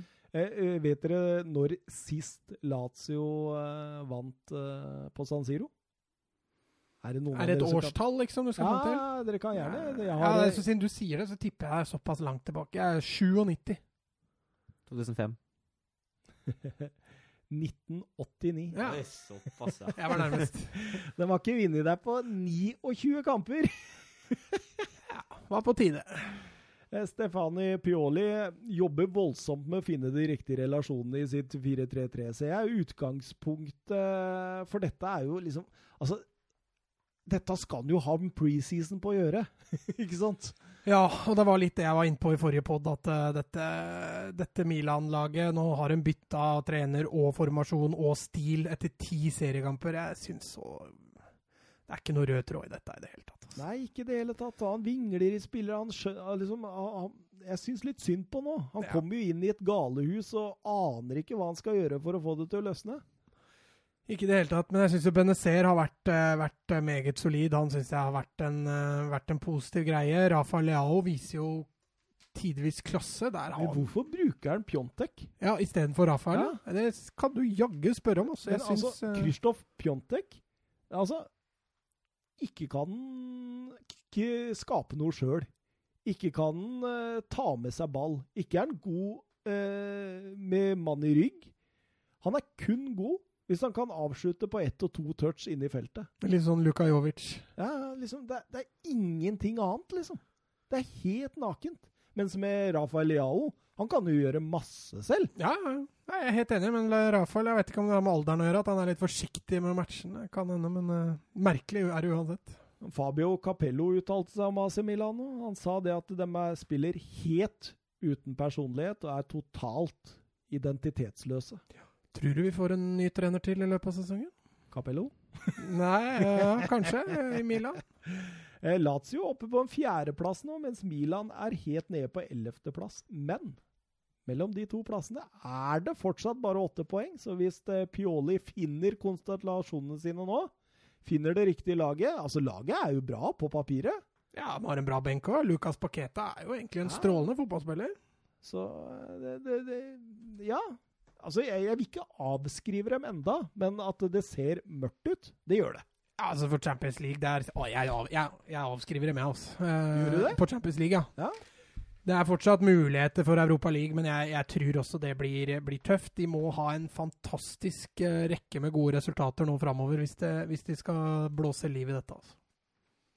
Blåse, blåse, som man sier. ja. Eh, Søren? Ja. De gråse. Bundesliga. Det er godt. Skal du argumentere imot nå, eller? Heter det det? Heter det det? Er det så, er det så stor liga? Er det så stor? Hadde Rune vært her nå, da hadde du fått deg to tette om badehette og beskjed om å holde kjeft. altså. Nei, jeg møtte jo Rune oppe på fotballbanen nå, vet du. Ja, han snakka så- tysk fotball til deg, eller? Ja, nei, han hadde jo Bayern-lue. Og så Ja. var det en av gutta baki som ble «Å, Bayern-fan, vet du. Og så bare Ja, ja, utad så er jeg det, men uh, egentlig så er jeg Hertha Berlin-fan. Bare ikke si det til noen dine tyske si- kompiser, så er det greit. Ikke si det til noen. Ja, det er fint, vet du. Eh, Leverkosen, Borussia, München, Gladbach. Vi hopper rett på dem, vi, Søren. Serielederne. Serielederne. Eh, Noe heldig mot, uh, mot Leverkosen. Eh, var god i første omgang. Uh, Skåra egentlig to ganger det samme målet. Det var jo en, eh, nesten en ren kopi. Ja, og Belarabi er skyld i begge, kanskje? Vendel.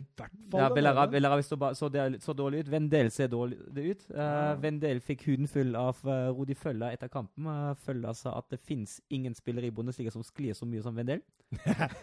Lever Rodi Føller ennå? Ja, ja, han, han Spytta han på den, eller? Nei, eh, det var ikke han som Han ble spytta på i 1990. Ja, stemmer det. Det Nei, men, var eh, Ruud Gullit. Følla jobber jo i klubben. Eller var det Frank Lackard? Det var Reikard som spytta for følga, men så ble begge utvist. Ja, stemmer det. stemmer det. Og siden, eh, siden er tyskerne ikke så særlig glad i Hvor langt tilbake er vi da? 1990. Ja, det er VM. 1990. Det er jo mitt første VM. Det er, jo, det, det er oh, ja, første hvor mange kamper fikk du? Eh, tre. Nei, men det er, det, det er det første VM-et jeg husker. Det, jeg husker så godt uh, Goy Goshea, keeperen til Argentina. Ja, jeg var straffe- så stor fan. Ja, ja. Han redda alt av straffer. Var, Fram til jeg, Bremer kom. men tenk det, ja. I mitt første VM så var min største eh, liksom, kjærlighet keeperen til Argentina. Eller spissen til England, da. Gary Lineker. Åh. Oh. Ja, jeg husker ikke det. Jeg husker USA-VM som mitt første, egentlig. Så Du gjorde det, ja? ja, der var det ingen Rudi Føller eller Ruud Gullit. Så. Nei. Eh, 1990, ja. Det var Italia. Det var det Vest-Tyskland-Italia i finalen, var det? Nei, Vest-Tyskland Argentina. Så var det jo. Bremer som skåra på Ja, Goicochea etter 85 minutter. Litt billig straffe. Burde kanskje hatt straff, straffe litt tidligere, men den, akkurat den var litt billig. Men uh, ja. Da var vi tilbake til Vest-Tyskland, da. Da da har du levd en stund, vet du. Når du husker Vest-Tyskland. Nei, det husker ikke jeg. Berlinmurens fall 89. 9. november 89. Ja. Ja, nei, det husker Er du jeg i hvert imponert, eller, Ja, kjempe. Leon Bailey, rødt kort. Ja, helt idiotisk. Han fikk også huden full av Frodi Følla. Eh, han uh, Følla sa at det var dumt og unødvendig, og det er for så vidt enig i, og så skal han eh, få betale for det. Så det blir Men, bot. men, men jeg tenker jo nå Nå sa jo Leon Bailey før sesongen at dette skal bli min revansjesesong. Nå skal jeg virkelig steppe opp igjen, bli kvitt skader og være tilbake der jeg var etter den første sesongen etter han kom fra Genk, var det det? Genk? Ja. Det, har, det har endt med én kamp hvor han har spilt fullføre 90 minutter. Eh, han har fem opptredener til sammen, litt bytta inn og ut, og masse skader. Eh, hva tenker du om Leon Bailey framover? Er ikke noe revansjesesong ennå. Han er jo Ja, så blei ble det jo ledig plass i tillegg, da, når Brant uh, gikk. Ja, egentlig. Han har ikke klart å, klart å helt konkurrere seg inn i laget. Altså, han har jo utvilsomt uh, gode ferdigheter, og det ble jo Han var jo, Den kom inn nå, han var jo en god grunn til at uh, at det, ble, at det ble bra i andre omgang for Leverkosen. Det var jo det, var etter, det er jo etter hvert veldig bra, over vingene. Men uh, i det store hele syns han er han, han er veldig lovende, men han innfrir på en måte ikke de, det han lover helt ennå. Ja, ekstrem hurtighet, da. Ja, men det er jo ikke, det er jo ikke alt. Nei, nei, nei, absolutt ikke. Ellers hadde vel Usain Bolt klart å få seg en kontrakt et eller annet sted, hadde han ikke da? Jo, godset burde i hvert fall hive seg over det der. ja, men der kunne jo kanskje spilt seg inn, jeg veit ikke. Eh, men Peter Bosch, eh, Søren, jeg tenker at det, det, starta, starta så bra! Ja, men så ser det ut som det, han vingler så mye, både i, liksom, i formasjon, konstellasjon, spillere, litt sånn taktisk At han ikke klarer å bestemme seg. Er det fordi han rett og slett sliter, eller er det pga. skadene han har hatt? Jeg tror han, eh, han har begynt å prøve å justere seg litt. Fordi han har vært veldig dårlig til å justere seg før, så han begynte å prøve å justere seg litt. Uh, og så veit han ikke helt hvordan han skal justere seg nå. Det er litt sånn den teorien jeg har. Men, men Havertz han slo gjennom som høyrekant. Som en slags innoverkant, gjorde han ikke?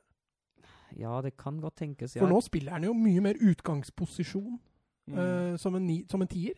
Ja jeg syns, men jeg synes egentlig det er Når du ser på ferdigheten han syns jeg egentlig det er da han er best, eller burde være best. Jo, men jeg syns han har blitt litt anonym altså, i de Ja. kampene jeg har sett han i den rollen. Ja, jeg, altså han har vært Han har ikke hatt noen strålende sesong. Nei, altså, når, men hvis han hadde fått starte som utgangsposisjon høyre, da, så hatt en fri rolle, da.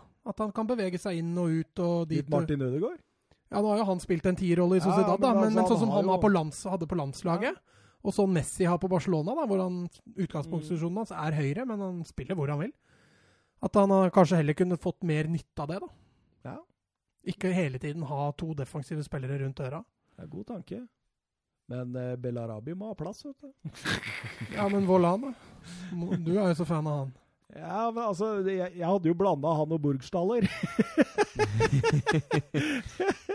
Så du Ja. er egentlig litt fan av Volan, altså? Nei, jeg er ikke fan av Volan. men jeg, det, det jeg sier, det er at uh, han uh, Burgstaller er verdens mest ineffektive spiss. Det er du enig i, Søren? Ja, det er jeg enig i. Og så blanda jeg de to, da, vet du. eh, I en pod her. Så da ble det Voland. Men han skårer jo litt mål. Ja, og så er han, altså, han faktisk kjapp i tillegg, da. Så Ja, absolutt. Eh, skal vi videre til Frankfurt-Bayern München, Ja. eller? Den har du gleda deg til, eller, Søren? Ja. det har jeg. Ja, mye, mye godt å si om det laget her, eller om, det, om den kampen her. Oi, oi, oi. Vi kan jo si det at Frankfurt vant 5-1, og at det ble Niko Kovac sin bane. Og så må jeg bare få si, før jeg slipper eh, Søren ut her, at jeg, jeg lo så jeg skreik når jeg leste den der pressemeldinga fra Bayern München, hvor det sto at eh, Hassan Salihamidzic, eh, Rummenigge, Oli Hønes og Niko Kovac blei enige om å ja. var, det, var det med trusler, eller var det Vi hadde en åpen og fin diskusjon. Det kan jeg ikke tenke meg etter fem inn der, i det, det rommet der. Nei, kanskje ikke. Men altså, han uh, Jeg har lest for flere hold nå at han, uh, han påstår han, uh, han sjøl egentlig er ferdig. Uh, så det hvor mye, det hvor mye sier man ut av. Jo, jo, men altså, hvor mye sannhet det ligger i det, det, det er jo Det er jo spørs. Altså, det, for meg lukter det mer sånn at han har fått sparken, for å være ærlig. Hadde man tatt bort Lewandowski sine mål i eh, Bayern München, så hadde de stått denne sesongen med ni poeng. Tenk det. Lå for en god spiss. Ja, men det sier litt om Lewandowski. Jo, liksom. selvfølgelig. Eh, absolutt. Men eh, hadde du tatt bort Lewandowski, så hadde du putta inn en annen, da. Så du hadde sikkert Jo, jo, fått igjen men han hadde kanskje skåret da. Ja, ja. Ikke Jo, jo. 13 eller 14 eller hva han er på nå, liksom. Men uh, helt enig, og han skårer jo igjen. Ja, ja men, og, det, og den skåringa, det er jo egentlig bare en fin enkeltmannsprestasjon. Det er ikke noe godt spill for det. Det er bare god individuell prestasjon. er han litt heldig der, Lewandowski, når han får med seg ballen der? Ja, litt, ja, litt det. Men altså, det er fortsatt godt gjort. Skal jeg ikke ta det fra Men ham. jeg syns det er litt så rart, det fallet, det brutale fallet Bayern har hatt. Altså, Vi snakka om dem etter supercupen i, i Tyskland, etter seriestarten, hvor gode de var, hvor overlegne de var. Vært litt uheldige som ikke fikk trepoengere. Men nå Mangler alt. Mangla, Nei, mangler det mangler jo altså, Snakka nederlatende om Barca i stad. Det her er jo enda verre. Mangler, mangla offensivt uh, samspill. Uh, Syns det er katastrofe. Jeg så cupkamp mot Bochum da de kervet seg videre med 2-1 mot tredje siste plassen i andre Bundesliga. Uh, lå under 1-0 i uh, 80 minutter. Og da jeg så jeg det, og så tenkte jeg herregud, de løpene henger jo ikke på greip engang. De veit jo ikke hvor neste man løper engang. Det er jo, det var helt sykt. Og så er det defensivt, det er altfor store rom. Det han gjør nå etter at Boateng får en tidlig utvisning uh, uh, med det røde kortet etter ti minutter Han uh, sender høyrebekken Pavar inn som midtstopper, og så sender han uh, sentral midtbanespiller Kimmich, som egentlig skal stå ved siden av Thiago, inn som høyrebekk. Og da åpner han hele senteret opp, for da har du bare Thiago som står som sekser foran, uh, Coutinho. foran forsvarsrekka. Ja, Mm. Coutinho står jo som tier, Ja, men eh, Coutinho- ja, men jeg, Eh, Thiago Coutinho sentralt på midtbanen, kan vi se hvordan det ser ut. da. Uh, er jo, eh, går jo ikke. altså. Han tar jo altså, ja, han tar jo hensyn til det røde kortet, men han tar ikke hensyn nok til det røde kortet. Min. Han, uh, han tar ikke de omstillingene som egentlig trengs. Han uh, svekker laget fullstendig defensivt, blotter fullstendig for rom foran Forsvaret. Og det blir, det blir altså, ja, det blir. altså, og så begynner han å justere for seint. Altså, Ja, det er Frankfurt begynner å skåre, og så kommer Martinez og, og eh, Goretzka inn der, og da, da er det jo allerede løpet kjørt, ikke sant? Eh, Frankfurt. Han, han Kostic han er så god i enkelte kamper, han. Det er helt enormt, og han svinger, men når han er på topp Han hadde gått inn på hvilket som helst lag i Europa. Banens beste eh, på lørdag. Ja, det er helt rått, altså. Sist gang eh, Frankfurt slo de regjerende seriemesterne med 5-1, det var i siste runde av 98-99-sesongen. I det mest eller ellevillste nedrykksdrama Tyskland har, noensinne har hatt. Mm. Slo, vant 5-1 mot uh, erste FC Kaiserslautern. Redda seg på målforskjell overfor Nürnberg. Siste målet Jan Åge Fjørtoft. Å, fjøra! Men søren, visste du Veit du hvem eh, Bayern München tapte 5-1 for sist, da? 4. april 2009. Bortekamp på Volkswagen Arena. Det var feil mann å spille det spørsmålet til, eller? Ja, men det, det verste er jo at han ikke fått forberedt seg på spørsmålet at all, og du bare drar datoen. Det, det. Ja, datoen, det var faktisk super. 26. serierunde. Den kommer jeg til å huske fram til mitt siste andredrag. Var det grafite, eller? Ja, han, jo, han, han skåra Han skårer jo med, med halen. da. Han uh, dribler seg jo gjennom hele Bayern-forsvaret på 5-1. Skårer Åh, både åh, åh. fire- Han skårer både 4 og 5-1, før Jacob, Jacob putta 2 og 3-1. Mens 1-0-målet blir faktisk skåret av Christian Gentner, som nå spiller i Union Berlin. Vik, uh, Ja, ja, stemmer det. og så er det litt morsomt med, med Gentner. Uh, han vant to seriegull som spiller. Verken med Dortmund eller med Bayern. Han vant 2007 med Stuttgart og 2009 med Wolfsburg. Jeg, er. jeg vet ikke om det finnes noen andre spillere i, uh, i dette årtusen som har klart å vinne to seriegull uten å ha Bayern og Dortmund involvert i det hele tatt. Det, Trolig ikke. Trolig kanskje noen fra Veda Bremen tidlig, i, eh, tidlig på 2000-tallet, men uh, ganske lenge siden i så fall. Vi har et spørsmål vi er fra Vebjørn Fredheim. Sparkingen av Niko Kovac. Hvem tar over skuten? Jeg vil gjerne høre alle tre sin spådom. Vi hører, begynner med deg, vi, Mats. Din Altså, spådom. nå har jeg lest så mye om Wenger til Bayern, så jeg tror den er safe. Altså. Jeg sier Wenger, jeg.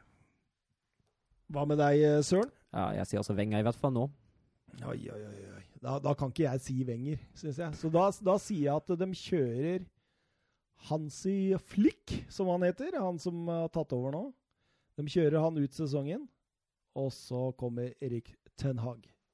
Jeg syns det har vært en fin løsning å få en, få en mann inn Eller om man da går for flikk, eller om man får en mann inn som kan ta det ut sesongen, og så henter man Ten Hag. Jeg tror det hadde vært det beste for klubben, egentlig. Men nå spekuleres jo i Wenger, i Mourinho, i Allegri. Nå, nå spekulerer og, Altså, det er jo snart at den børster av Jupp Heynckes eh, Jeg tror han har skutt av alt av telefoner nå. Så det, Ja, var, var det ikke sånn at det, kona hans hadde bedt Han fikk ikke lov å eie en telefon eller noe? Men hva var det? Var det Fjørtoft som sa det at eh, det er bare to som får til det Bayern-greiene skikkelig, og det er Ottmar Hitzfeldt og Jupp Jeg, jeg glemte vel Guardiola egentlig da. Ja, men han var jo aldri i nærheten av å vinne Champions League. Ah, den mot Atletico at den røyk der, uh, den, uh, den er uheldig, altså. Jo da, absolutt. Jeg skal ikke si de ikke var i nærheten, for det var de jo selvfølgelig. Men uh, han vant vel fire seriegull og tre cupgull, var det? Jeg, jeg tror tre seriegull og to cup- cupgull. Tre var det, Ja, han var, han var der i tre år. Han vant serien alle tre, og så vant han cupen eh, to år, Mm. unntatt den, eh, den i 2015 som Wolfsburg vant. RB Leipzig, Mainz 8-0. Ja, det var eh, Timo Werner, Timo Werner, Timo Werner. tre mål, tre assist. Altså er Det det er ganske vilt. Leipzig Da gikk det tre kvarter, og så var det rykta til United. Leipzig nå Ja, var det! Så du ikke det? Nei, jeg har ikke sett det, men det er funny. Nei, de, Hanker spiller i Tyskland. Da. Müller og Werner og Havertz. Og det er mye, mye tyskere som skal til United nå. i hvert fall. Eh, Leipzig har 14 mål på to kamper. Ja, jeg husker de første seks. Du gjorde det, det. Jeg husker veldig godt. Det var i cupen mot Wolfsburg. Ja. og så er det, klarte de faktisk å skåre i andre omgang mot Wolfsburg og første omgang mot Mainz. Ti mål til sammen. Fem mål per omgang. Det er ganske sykt. Men, men jeg, jeg ble veldig nysgjerrig på dette. eh, at eh, Leipzig har sett, altså tidvis i hvert fall, dårlig ut offensivt. Og så plutselig nå, så er det 14 mål på to kamper. Så jeg gikk tilbake, og så så jeg Skrolla litt igjennom eh, noen av kampene til de hadde før dette. Og så eh, så jeg på kampen mot Mainz nå. Så legger jeg merke til en ting Nagelsmann har gjort. Har dere lagt merke til det? Jeg har ikke scrolla gjennom en eneste. Leipzig-kamp. Han har justert midtbanen. Han har Altså, kantene har fått et mye smalere utgangspunkt enn tidligere. Og det har gitt uttelling, fordi eh, man følte jo selv at det var selve midtbanekrigen. I hvert fall de tapte mot Freiburg i den 2-1-kampen. Eh, og ikke minst i 1-3-kampen mot eh, Schalke hjemme. Mens nå har de fått komprimentert midtbanen litt mer. Han blir ikke spilt ut og spilt igjennom så fort der. Og det har gitt uttelling. Det har gitt uttelling også at uh, Salbitzer spesielt får et mye bedre utgangspunkt i overgangsspillet. Og eh, det er veldig Han er jo klart utgangspunktet ganske solid òg, da. Ja, Men, men, men, er bra. men, men det kan godt hende han har tjent veldig på, på den bytta, altså. Ja, det, ser, ser, altså, det var så lett å se da, hvordan de har kompromittert i mye større grad. Altså, vi er jo vant til å se et RB Leipzig hvor eh, eh, Forsberg har vært ute av posisjon hele tida og så slengt ut langt ut på venstrekanten. av Salbitzer Han spilte nesten en sånn slags 4-2-2-2. Litt som eh, altså, at det har to sittende og så to veldig offensive breie. Ja, skårer Sabitzer skårer både første mål mot, Leip nei, mot Mainz, og så skårer han i Champions League mot St. Petersburg igjen. Ja, jeg tror det kan eh, ha løsna litt, altså. Det ser bra ut, syns jeg nå, for RB Leipzig. Leipzig. Veldig morsomt med Timo Werner mot Mainz. Han spilte mot dem i fem kamper mot Stuttgart. Hele null mål og null assister. Og så gikk han til Leipzig. Har spilt sju kamper mot Mainz så langt, med Leipzig. Ti mål, sju assist. Men når det skal sies, det Mainz-laget, det, altså, det var så mye juniorfeil at Ja. det er Du kunne jo le deg i hjel, altså. Ja, men altså, når, du først, når måla først begynner å renne inn der, du gir jo litt opp Eh, og Leipzig de så jo ikke ut til å fjerne noe gass i det hele tatt. Så. Han Sandro Schwartz, er det det han heter? Ja. Han eh, treneren der. Han, du, du så han, han bytta om til en femmer bak på 4-0 etter 39 minutter. Skulle safe, skulle safe inn. Ja, det, Sportsdirektøren han sa vel etter kampen Nei, vi har ikke noe trenerdiskusjon. Treneren innstilte laget veldig godt til den kampen. Sånn. Ja. det er greit. Ja, men de slo jo Zenit i går òg. Leipzig, ja. Ja. Nå er de jo gruppeledere i Champions League og ser eh, ut som de skal klare det greit. Så du gang på gang brukte mellomrommet mellom midtbanen og forsvaret. Spilte opp og feilvendt, ut på sida og storma inn. Det var fantastisk, altså. Jeg er veldig glad i han der Halstenberg, altså. Ja, veldig bra back. Ja. Eh, Utrolig offensiv. Artig type. Eh, eh, Timo Werner, som dere var inne på, tre mål og tre assist. Eh, siden de begynte å samle inn data for Bundesliga 04-05, har det kun vært én spiller som har vært involvert i like mange mål. Altså da i mål og assist i løpet av én kamp. Like mange målpoeng. Ja. Hvem var det, søren? Jeg vet at det var eh, Det var Viorel Ganea som klarte også tre mål, tre assist i 2001. Eh, Ja, men uh, Ja, OK, såpass. Ja, Ja. fordi jeg, jeg leste at de hadde begynt å samle disse dataene i 0405. ja, i Tyskland har vi jo samlet de litt lengre.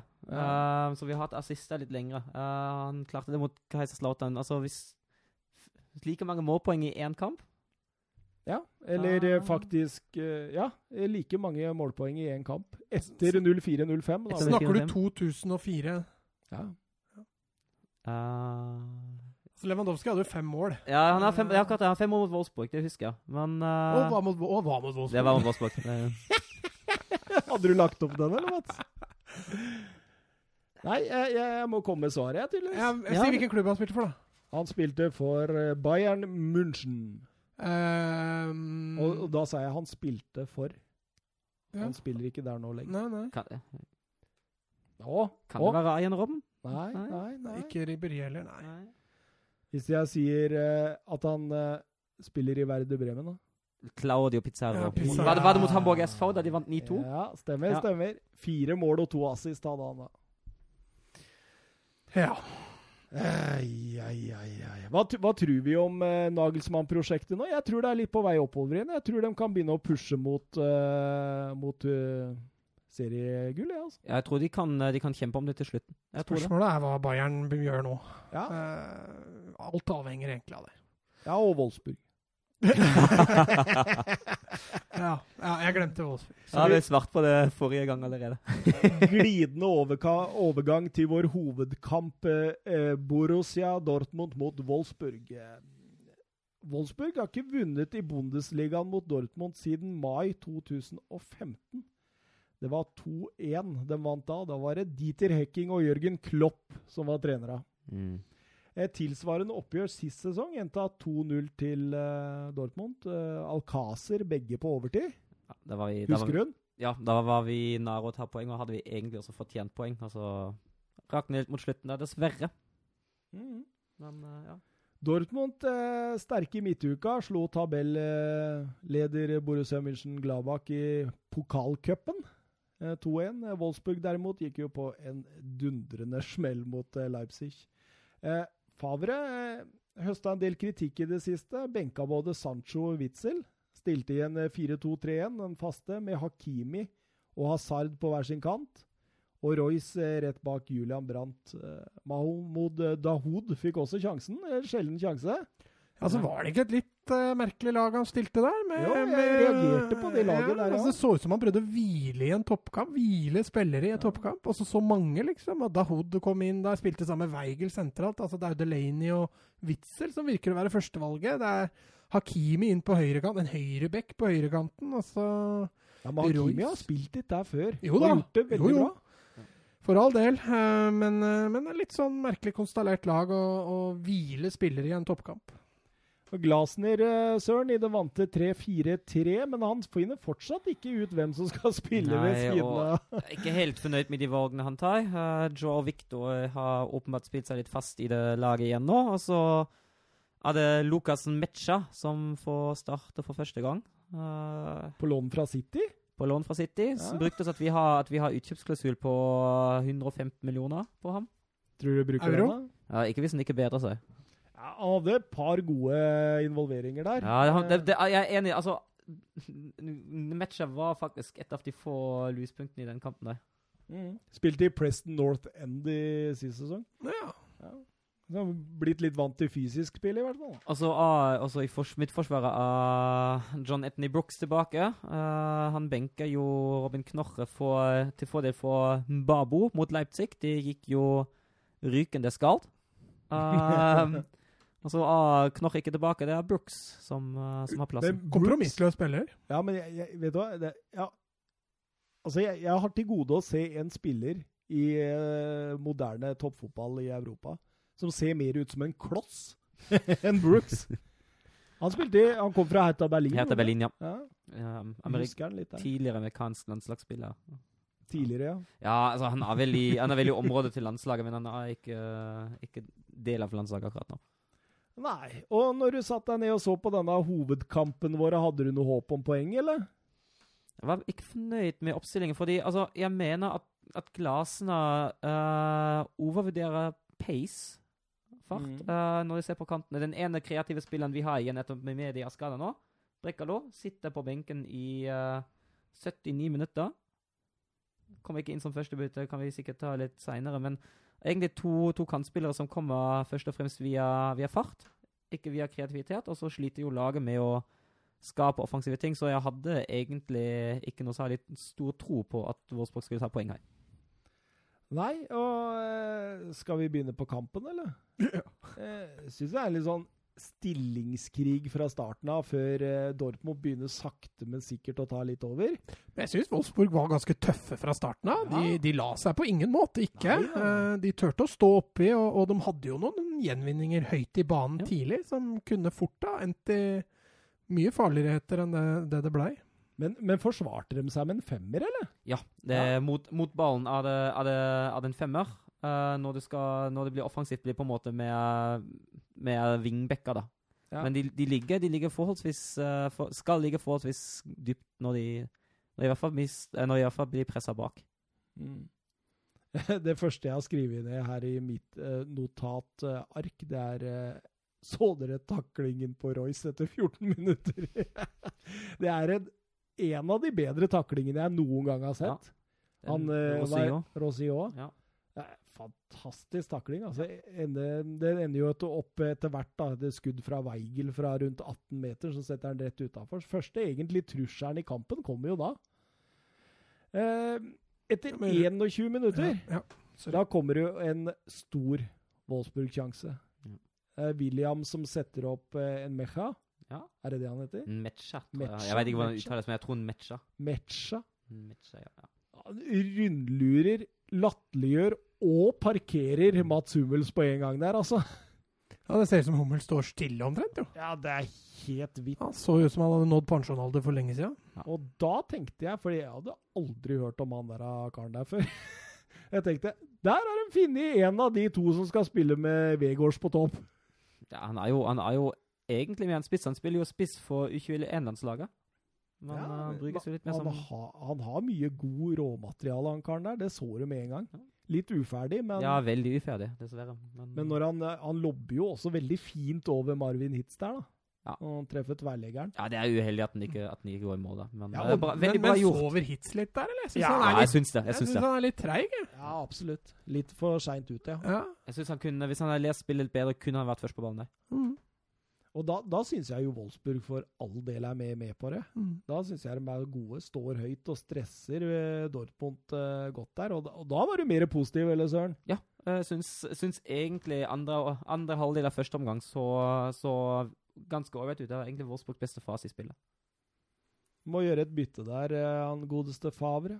Ja, det var kjipt. Miste kapteinen sin uh, før, før pause. Det er ikke noe det er ikke noe ålreit, det. Han var vel, uh, han, uh, han var vel tilbake til Vårsborg-kampen, kanskje litt for tidlig. Ja, Han uh, var jo skada før. Det kan godt hende. Men uh, Vi mista vel assistentdommer òg? Ja, hvis vi gjorde det. Det er jo dobbelt bytte, sånn sett. oi, Ai, ai, ai.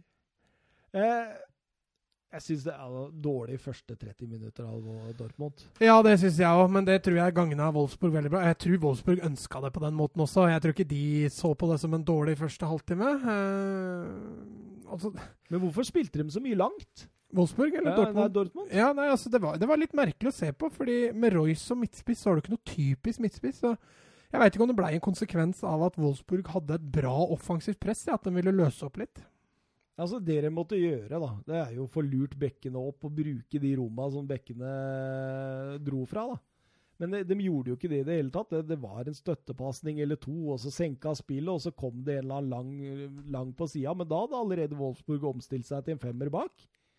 Så det var jo, det, det var jo liksom gjennomgangsmelodien i hele første omgang fra Dortmund sin side. Mm. Eh, og når de endelig kom og, fikk putta ballen inn der, så var jo Brooks så god. De var jo overlegne fysisk, ikke sant? så det var jo ikke kjangs. Eh, Wolfsburg synes jeg sleit med å involvere Weghorst. Ja, veldig. Eh, dessverre, det er litt sånn vi, vi Laget mangler litt, eh, litt litt kreativitet på topp. Det er litt sånn Jeg husker da vi satt uh, første gang og snakket om Eller det var vi første gang og snakket om Glasner, at han, uh, han ønsker å ha en, uh, ha en plan B. Han, eh, den, den plan B med etablert angrepsspill, det ser ikke jeg så mye til for tida, dessverre. Ja, men du ser også de største sjansene til Wolfsburg kommer ofte ved at de vinner ballen høyt. Ja, det er, det er, jo, det, det er jo det som er planen hans. Ja. Det er jo plan A. Det er jo altså, er ikke noe, det er jo ikke noe sånn frispilling bakfra, eh, lange angrep eller, eller en direkte form for angrep. Det er snakk om å vinne ballen høyt, Ja. høyst mulig i banen. Kortest mulig vei til mål. Ja. Og når Wolfsburg ikke greide å vinne ballen høyt, så fikk de en periode hvor de sleit mye mer med en gang. Eh, og da er klart Vegårs da Han får jo mye mindre involveringer, da. Og når da det er liksom på en måte gjennomgangsmelodien, og Dortmund bruker én og to og tre touch før de begynner å sette i gang hvert sitt angrep, så blir det jo Det blir jo en litt sånn småtrist førsteomgang. Ja, jeg er helt enig. Førsteomgangen Første gangen var ikke noe nyttårsaften. Men fem minutter på overtid i første omgang der, der får Wolfsburg en gedigen sjanse til, Søren. Ja, nok en gang uh, Borussia Dortmunds svakhet på dødballer. Den har vi snakka om før òg. Og så legger Brooks igjen mot, uh, mot bakerste. Bruma får foten på den. Burde kanskje ha klart å styre den i mål, men den går så vidt utafor. Ja, altså det, som du sa, Wolfsburg kunne jo vært maks heldige her og leda 2-0 til pause. De kunne jo det. Eh, de kunne det. Eh, og sjansene de hadde, var store nok til å score på dem, og Dortmund produserte ikke all verden i det hele tatt. Så selv om Dortmund spilte seg litt inn i pau eh, før pause, så, så hadde det ikke vært noe å si altså, på om Wolfsburg hadde leda, faktisk. Nei, jeg syns ikke det. Hadde de leda 1-0 der, så hadde det vært helt fair, faktisk. For de har to gigantiske sjanser. Dortmund har Fikk eh, Dortmund et skudd på mål? Nei, eh, ikke, et eneste, ikke en eneste involvering som Per Van trengte å gjøre i første omgang. Nei, jeg tror ikke. Men så kommer annen omgang, da, og da, da grua, grua Søren seg litt mer til å gå til podkaststudio med dette som hovedkamp. Ja, tar ikke lang tid. Uh... Nei, det er, jo, det er jo første sjansen i annen omgang. Eh, 1-0. Torgan Hazard. Ja, første målet hans i Bundesliga, var det ikke det? nei, første målet hans for Borussia Dortmund, men første offis målet Ja, i en altså for, kamp. for Ja. Dortmund i Bundesliga. Ja, var det stemmer. Ja. Nei, han har jo skåra noen for Gladbach. Jeg- Ja, han har det. Men uh, ja. første, Mm. første, mål, off, første mål i offisiell kamp for Dortmund i det hele tatt. Ja, Ja. han hadde ikke det. Men Nei. husk han hadde til Champions League, men Jeg, kan, hadde han ikke det. jeg vet ikke, kan Nei, jeg tror jeg, et... Nei, det er jo bare Hakimi omtrent som har skåret for Dortmund. Brooks burde gjøre en bedre jobb der når han uh, heder den rett i Hakimi. Ja, det er en svak klarering, dessverre. Ja, det er, det er ikke bare en svak klarering, det, er- det er en del feil her. Altså, det, er, det er påfallende hvor mange baklengsmål Wolfsburg får etter utspill fra keeper. Det er ikke første gang det skjer denne sesongen her. Uh, det var jo Gulashi som hadde en direkte assist i seriekamp mellom Leipzig og Wolfsburg på Timo Mm. Werner. Og så er det Brooks sin klarering som er dårlig. Og så synes jeg også at avstanden da mellom forsvarsleddet og den sentrale midtbanen, den, det er et stort hull der. Hakimi har jo omtrent ingen spillere. Har jo nesten uh, Nei, han får fange den aleine. ja, ja, er jo helt aleine. Og så trekker William av en eller annen grunn inn, som jeg ikke helt ser. Han må jo egentlig bare bli ute ved Hazard, og så er situasjonen løst. Og så Mhm. trekker han inn opp på Tisserot. Mm. Og så Brooks, eh, nei, Broma vinner ikke duellen mot, uh, mot Hazard litt seint ute der, og så er Hazard aleine, og så var det, er det jo godt gjort av Hakimi. Ja, og fint satt av Hazard Ja. der i nærmeste. Ja, ja, absolutt. En klasseavslutt. Og så syns jeg Hazard bare har blitt bedre og bedre igjen. Etter en litt haltende start. Begynner han å komme seg nå. Eh, ligner litt mer på broren sin, faktisk. Eh, får i gang Brant nå. Uten sammenligning. Uten sammenligning for øvrig. Men eh, brand, og får i gang Brant nå da, Kan bli bra. Ja, Alcacer også er tilbake fra skade nå. Men, men det må jo være litt tung for Wolfsburg, tenker jeg. For de hadde de to klart største sjansene i første omgang. Det er første som skjer, første tilløpet de har, liksom, så kløner de det litt til. Og så setter Hazard den, og den kom helt ut av ingenting. Fordi det var ingenting som tyda på i de sju første minuttene av annen omgang at kampen skulle bli noe spesielt annerledes, egentlig. Nei. Men tror du de fikk beskjed i pausen, Wolfsburg? om at de Fikk de mye skryt i pausen? Tror du det? Nei, det, tror jeg egentlig ikke. Jeg tror Glasner var, var fornøyd med gjennomføringa. Uh, og sa kanskje at vi må bare holde fokus oppe, og det er jo akkurat det som ikke skjer. Han uh, Ja, det var litt det jeg skulle Ja. fram til. da. Eh, eh, etter kampen går han faktisk ut og er veldig tydelig på at eh, konsentrasjonsproblemer det har han identifisert som et av de største problemene. Han sier faktisk at det ser ut som at spillerne er overalt, men ikke på banen med hodet. Og, ja, For det er, liksom, det er liksom typisk mål du slipper inn på mangel på konsentrasjon, og kanskje du har fått noen beskjeder i pausen om at gutter, dere er dritgode, og så slipper du deg bare litt ned, og da bommer du på noe sånne. Ja, kanskje. Tre minutter etterpå så må han Pervan i aksjon. Han, eh, det er vel Tisserand, tror jeg, som eh, omtrent flyr ut av stadion. Han eh, prøver å hindre kona, og så takler han ballen i hjørneflagget, og så spretter han tilbake til Hakimi. Sjelden situasjon. Hakimi han runder jo Brooks som jeg runder Mats på Allboys-treninga, og Ja. Mm. Etter han har runda, så legger han seg ned og har vondt i kne, så det funker ikke allikevel. rett på Pervan der. og da syns jeg Wolfsburg sliter veldig i omstillingen etter 1-0. Jeg synes de liksom på en måte, altså Da kjører Dortmund veldig på momentum, og ballen går plutselig raskere. Er Litt sånn godt eh, bevis på at mål preger kamper. Ja, og du ser Dortmund altså Jeg ser det like mye på Dortmund, den energien det målet ga, eh, om at det løsna liksom litt. Eh, samtidig som jeg var inne på det med Wolfsburg, at det virka som de, de hadde sluppet seg litt ned fra pausen på konsentrasjonsnivå. Det straffer seg beinhardt. altså. Tre minutter etterpå der så sitter 2-0, men, men søren. Det er to ting jeg setter eh, spørsmålstegn ved det målet der. Det er frisparket, først og fremst. Det er jo ikke noe frispark i forkant av det. det er ikke det. Og nummer to, hvor tar han frisparket? Ja, det er, tar- det er å ta noe ti meter unna der det var. Ja. Uh, så dette her burde ikke ha blitt stående uh, blitt tellende. Særlig når de får en så gedigen fordel at du møter et ubalansert uh, motstanderlag Ja, ved å flytte det frisparket i ti meter. Så dette har burde assistent slash reservedommeren uh, ha avblåst. Det men, men ser du at det er ingen Wolfsburg-spillere som klager? ja, det, det skjønner ikke jeg heller. Nei, jeg fatta ikke sjøl. Jeg bare What? Hva skjedde der? Uh, Rafael Guero som eh, setter ballen i mål. Eh, Hodvel vel som får et billig frispark, slik jeg ser det. Weigel tar det raskt, minst ti meter fra stedet omtrent. Eh, tar jo Wolfsburg helt i ubalanse, og Hazard så spiller han ut i Guerrero som overlapper og setter han skrått. Fint mål, for all del. Godt satt og alt det der, der men det, det der, der burde burde, burde Blåstad sagt du, ta det frisparket der og ble tatt. I hvert fall. Og det var det, når det i utgangspunktet ikke var frispark òg, så ville jeg følt meg Ja, altså, det, den er jeg enig med deg. Altså, det er et billig frispark. VAR kan vel ikke, heller ikke gå inn på sånt? Nei, ikke på, ikke på Eh, frispark. Kunne ha gått inn Nei, altså, jeg tenker ikke på frispark. Jeg Å, ja. tenker på det at det ble tatt på feil sted. Jo, kunne det. For det er jo, det er jo egentlig, en, det er egentlig et regelbrudd i forkant av et mål. Så egentlig, etter, ettersom VAR blir brukt i Tyskland, kunne det ha gått, men eh, det skal mye til for at VAR gjør det der altså. Ja, altså, ingen Wolfsburg-spiller klaga, som du sier heller, så da, da ble jo ikke dommeren gjort oppmerksom på det heller, og da Nei, jeg, jeg, jeg, altså hadde jeg vært Wolfsburg-forsvarer der, jeg hadde vært rett i trynet på dommeren, liksom. Og virkelig satt den på plass. Du hadde vært på sjukestua du, Thomas, med et vondt kne. Sannsynligvis. Eh, Da gjør Glasner et bytte. Han tar ut uh, Mecha. Og så kommer Felix Klaus. Å, deilige Felix Ja. Klaus! Felix Klaus er en spiller som uh, på sitt beste kanskje kan, uh, kan kjempe om plassen i første Bundesliga. Altså få et lag der, liksom. Altså, han har pace. Altså, det virker nesten sånn for meg at, om at uh, Glasner overvurderer fart ganske kraftig. For de fikk han av fart, og så har han ikke så mye annet egentlig å by, uh, å by på. Så jeg hadde kjørt inn Brekkalo der.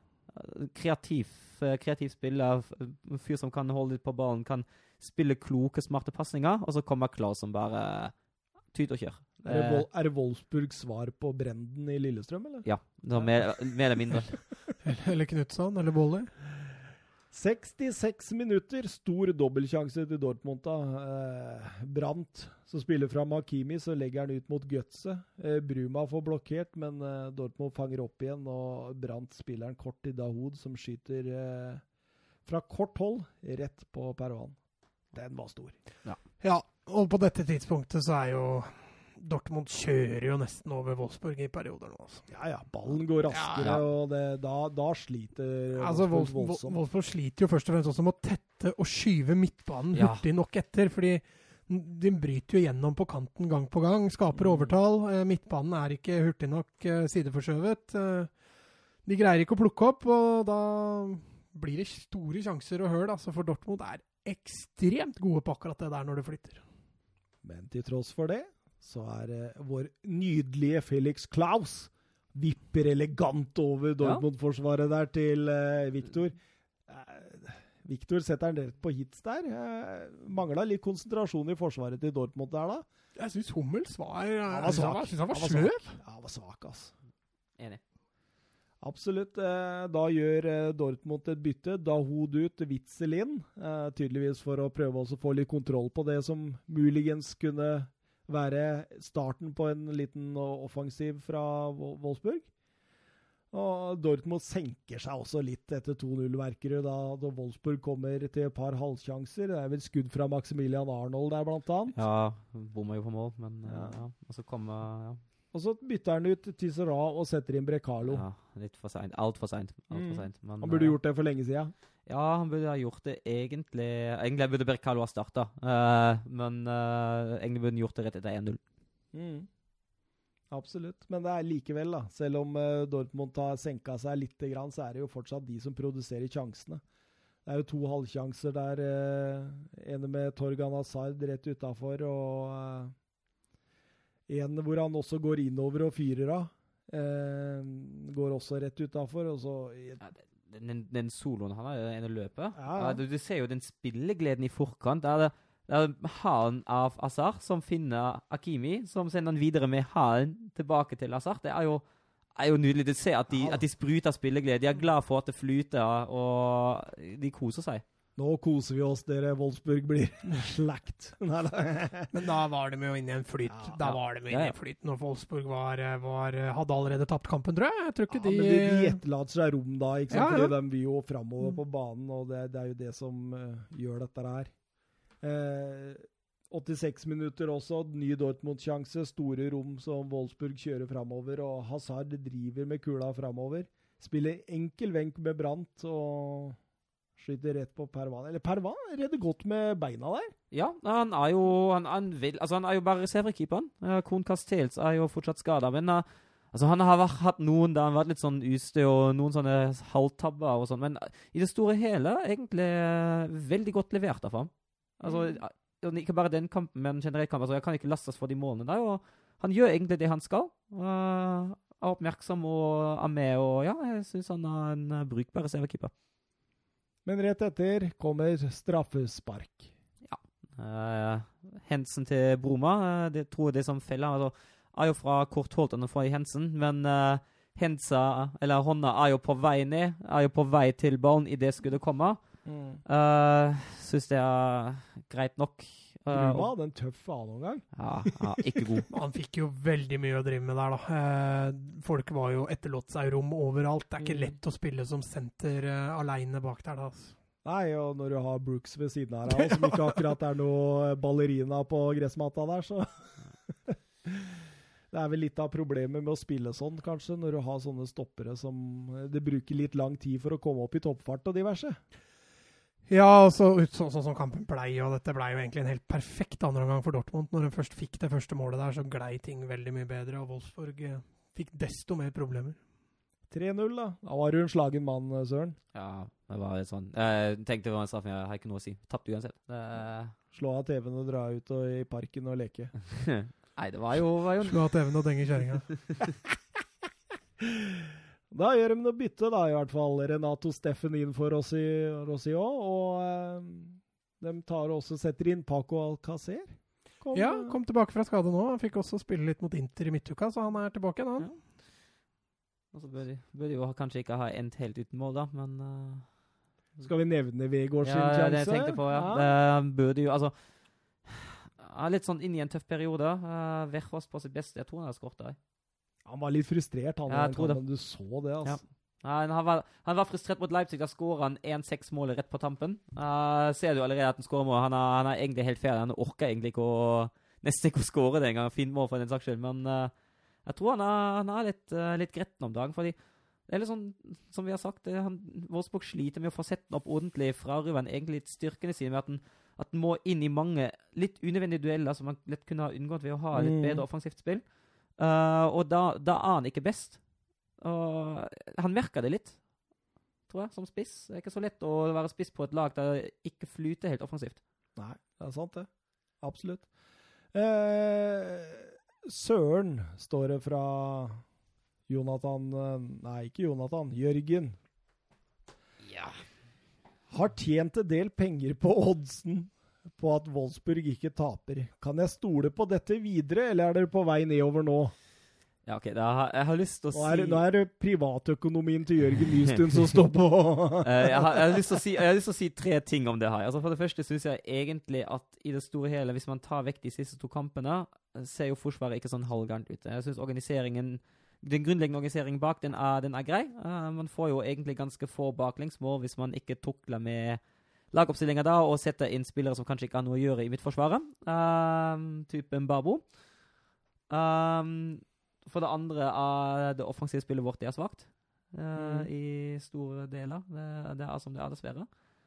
Og for det tredje, kampprogrammet vårt. Uh, eller kampprogrammet til Wolfsburg. Nå har vi hatt uh, Ja, du var inne på det, at det har jo tross alt vært ganske greie kamper. Det har vært ganske greie kamper. De som Mm. kommer før, før det nå er jul, i Bundesliga i hvert fall, det er Leverkosen, Frankfurt, Bremen, Freiburg, Glattbach, Schalke, Bayern. Oh. Uh, Jørgen, jeg tror det er best om du, om du finner deg noe annet å spille på. Altså Kommer, kommer trolig ikke til å ta på alle av de her, men eh, det, er, det er alt fra maks 50-50 til kamper der, de an, der andre lag er faktisk favoriserte her. Så da hører du det, Jørgen. Spill på at Barcelona taper. Det er mye tryggere. I hvert fall når de spiller på bortebane. Skal vi dra banens beste poenga våre? Ja. Eh, begynne? vi begynner med Mats. Ja, Hazard 1, nei 3. Um, Hakimi 2 og Guerreiro 1. Herregud. Det, det, det Gikk var gikk de sur? Du da, Søren? Ja, 100 enig. Sorry, men eh, jeg har skrevet ned Hakim, jeg har sagt tre, Hakimi to, Guerrero én. Det, ja. Da er vi i hvert fall enige om at eh, Torgan Hazard får tre poeng, for det har jeg også. Men jeg har eh, Julian Weigel på to. Uh, skal jeg si noe om det? jeg glemte å utdype helt sjøl. Ja, nei, nei, fordi grunnen til at jeg har han, er at jeg syns han er flink til å diktere tempoet i spillet når Dortmund er bra. Ja, altså, han er bedre enn Witz... Ja, han, Ja, han- er flinkere ja, enn han- offensivt. Han tok Witzel sitt på en måte ansvar i eh, Dortmund. Altså, Mm. Så sliter han litt mer når Dortmund er dårligere, men han Samtidig er han veldig altså, god til å dekke rom og god til å plassere seg der han skal. da. Mm. Veldig sånn plasseringsdyktig, posisjoneringsdyktig. og han Han eh, dikterer spillet. Han er veldig Han står bak litt han, eh, i starten av angrepene når de virkelig kjører gode angrep. Og jeg syns han eh, Jeg, jeg vil sett han spille midtstopper et par ganger i år, har han ikke det? Ja, Ja, Ja, Det har han- sett han- veldig svakt ut. så Jeg, synes, jeg, Ja. jeg veit ikke om det var fordi jeg var veldig overraska over at han var så god, eller om det var fordi Eller om det var fordi om han var, faktisk var bra. Jeg er litt usikker, men jeg ga han to, da. Ja. Og så har jeg gitt uh, Hakimi ett. Syns Hakimi var bra. Altså. Ja, funka som høyrekant òg. Han gjør Ja. det. gjorde det mot Inter Milano. Ja, nei, det, var- men der var han jo høyrebekk. Var, var han back da, ja? Ja, så San var- Sancho var høyrekant, Ah, ja, ja, eh, så der var han jo bare offensiv høyrebekk. ja, funket likevel, da. Ja, ja, han skåra, skåra der, da. Ja, han er bra, altså. Mm. Tror, eh, tror Real Madrid vil ha han tilbake, eller? Altså, Dortmund har skåra fem mål i Champions League. Hakimi har skåra fire av dem. Haaland har skåret sju. Ja. Altså, Haaland har jo skåret mer enn Han har skåret like mange mål han, som Real Madrid og Barcelona til sammen, hvis ikke jeg husker rett feil. For jeg tror de har Real Madrid har fire mål og Barcelona har tre. Var ikke fryktelig god i går. Nei, unnskyld, Barcelona fire. Nei. Han var ikke det, altså. Nei, han var litt mer anonym, men skårte for det. Ja, på straffespark. Ja. Skal vi ta ukas talent før vi avslutter her? Skulle ikke jeg ta dere og quize dere litt, da?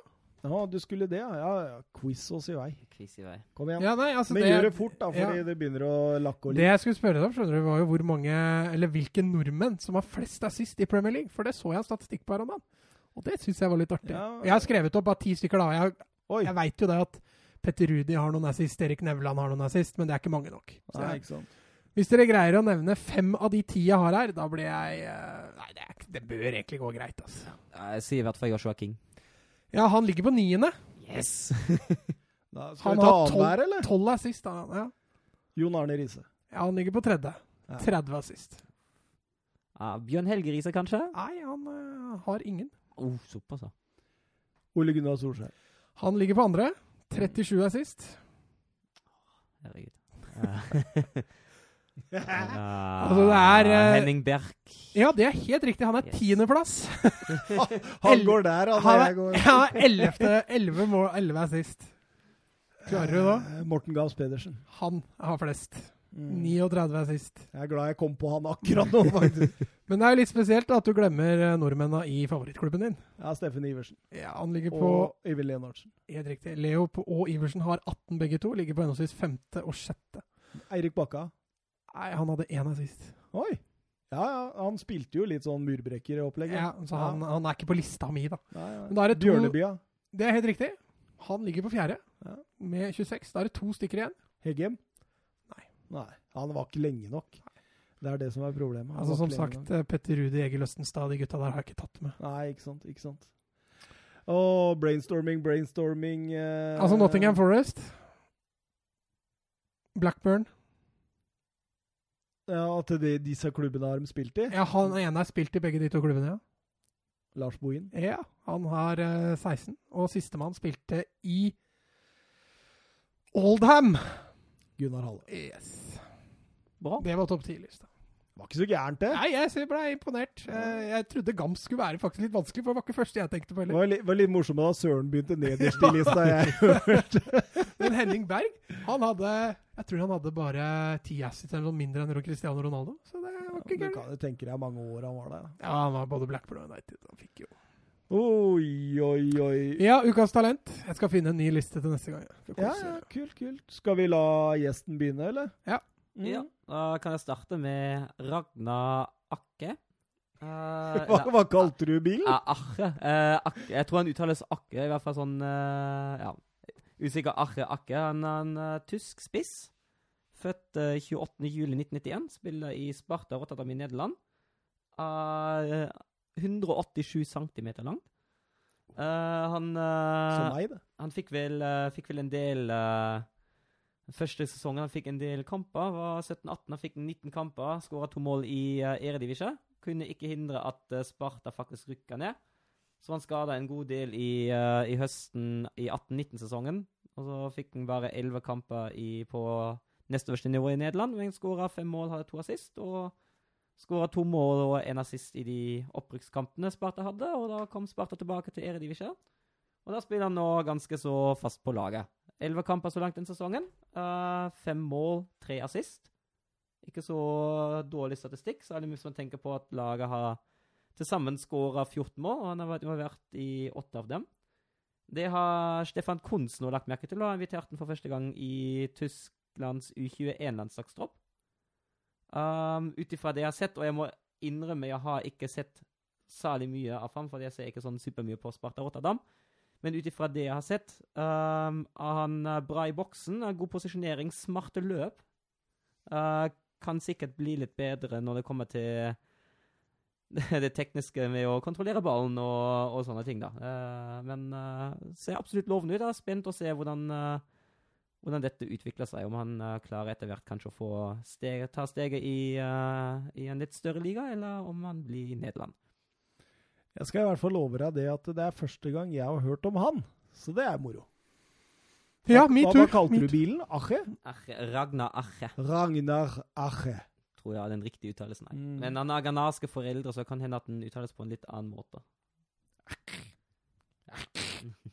Mats? Ja, jeg også har eh, Jeg har titta litt, jeg skjønner du, på, på um, U17-VM. Ja, det har du. I det har jeg, vet du. Jeg har latt meg imponere bl.a. av Pedri, som jeg valgte tidligere. Mm. Eh, Roberto Novarro er en eh, annen spanjol som jeg har latt meg veldig imponere av. Men jeg så nemlig en eh, brasilianer som var eh, Han var helt nydelig. Eh, Joao Peglo.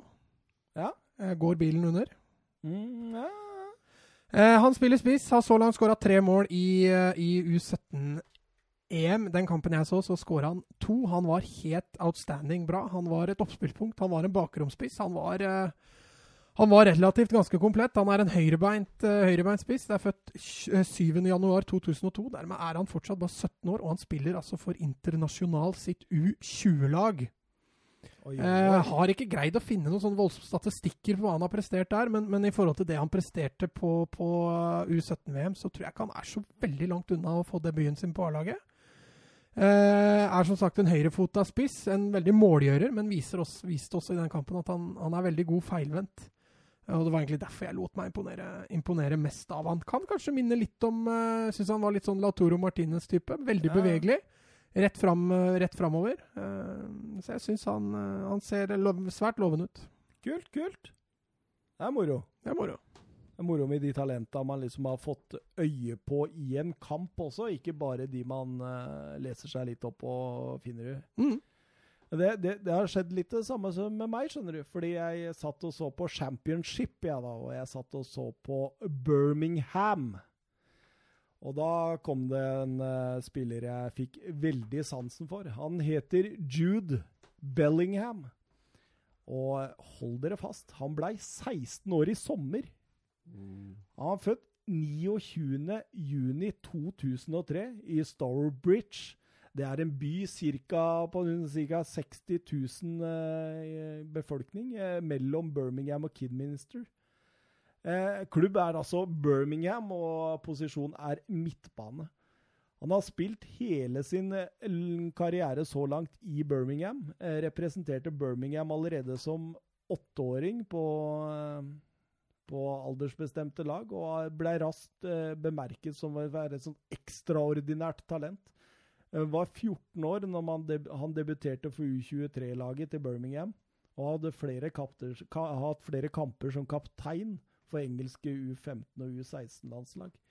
Var også med A-laget til VBA 29.3.2019.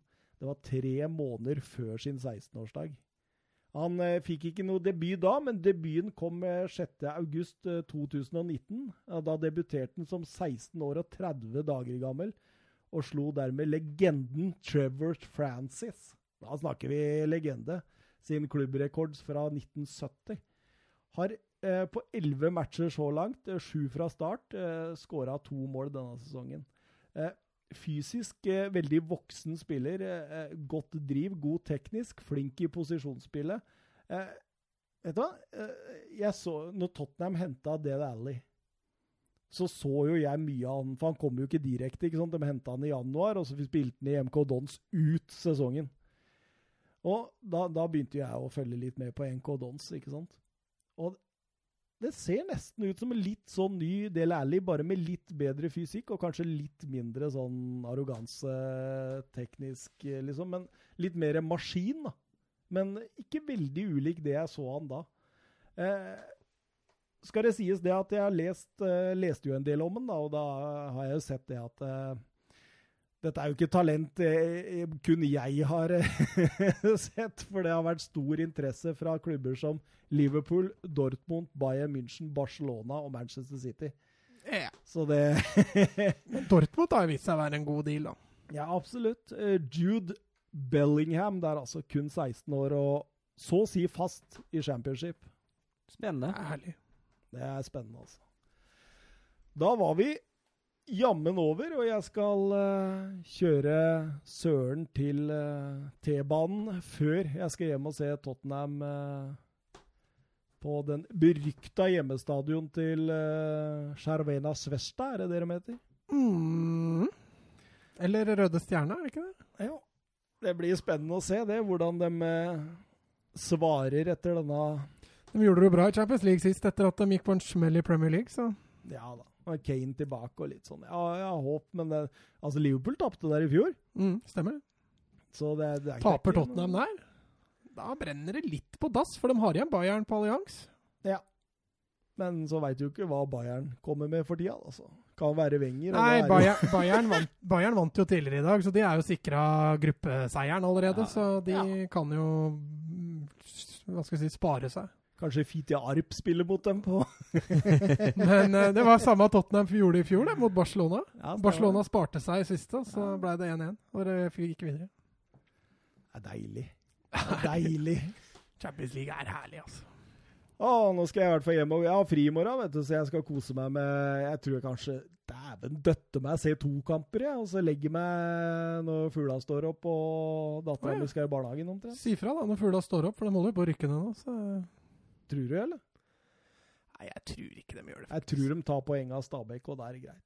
Jeg tror de tar ett. Ja, hvis ikke så er jo Lillestrøm verdensmester i å reise seg i siste viktige kamp. Men, eh, men borte mot Ranheim, der vinner de ikke. Der blir det 1-0-0 eller uavgjort. Tror vi Lennartson ryker etter sesongen, eller? Ja, jeg tror det. Burde det. Uh, ikke helt sikker på om klubben uh, innser det, men burde det.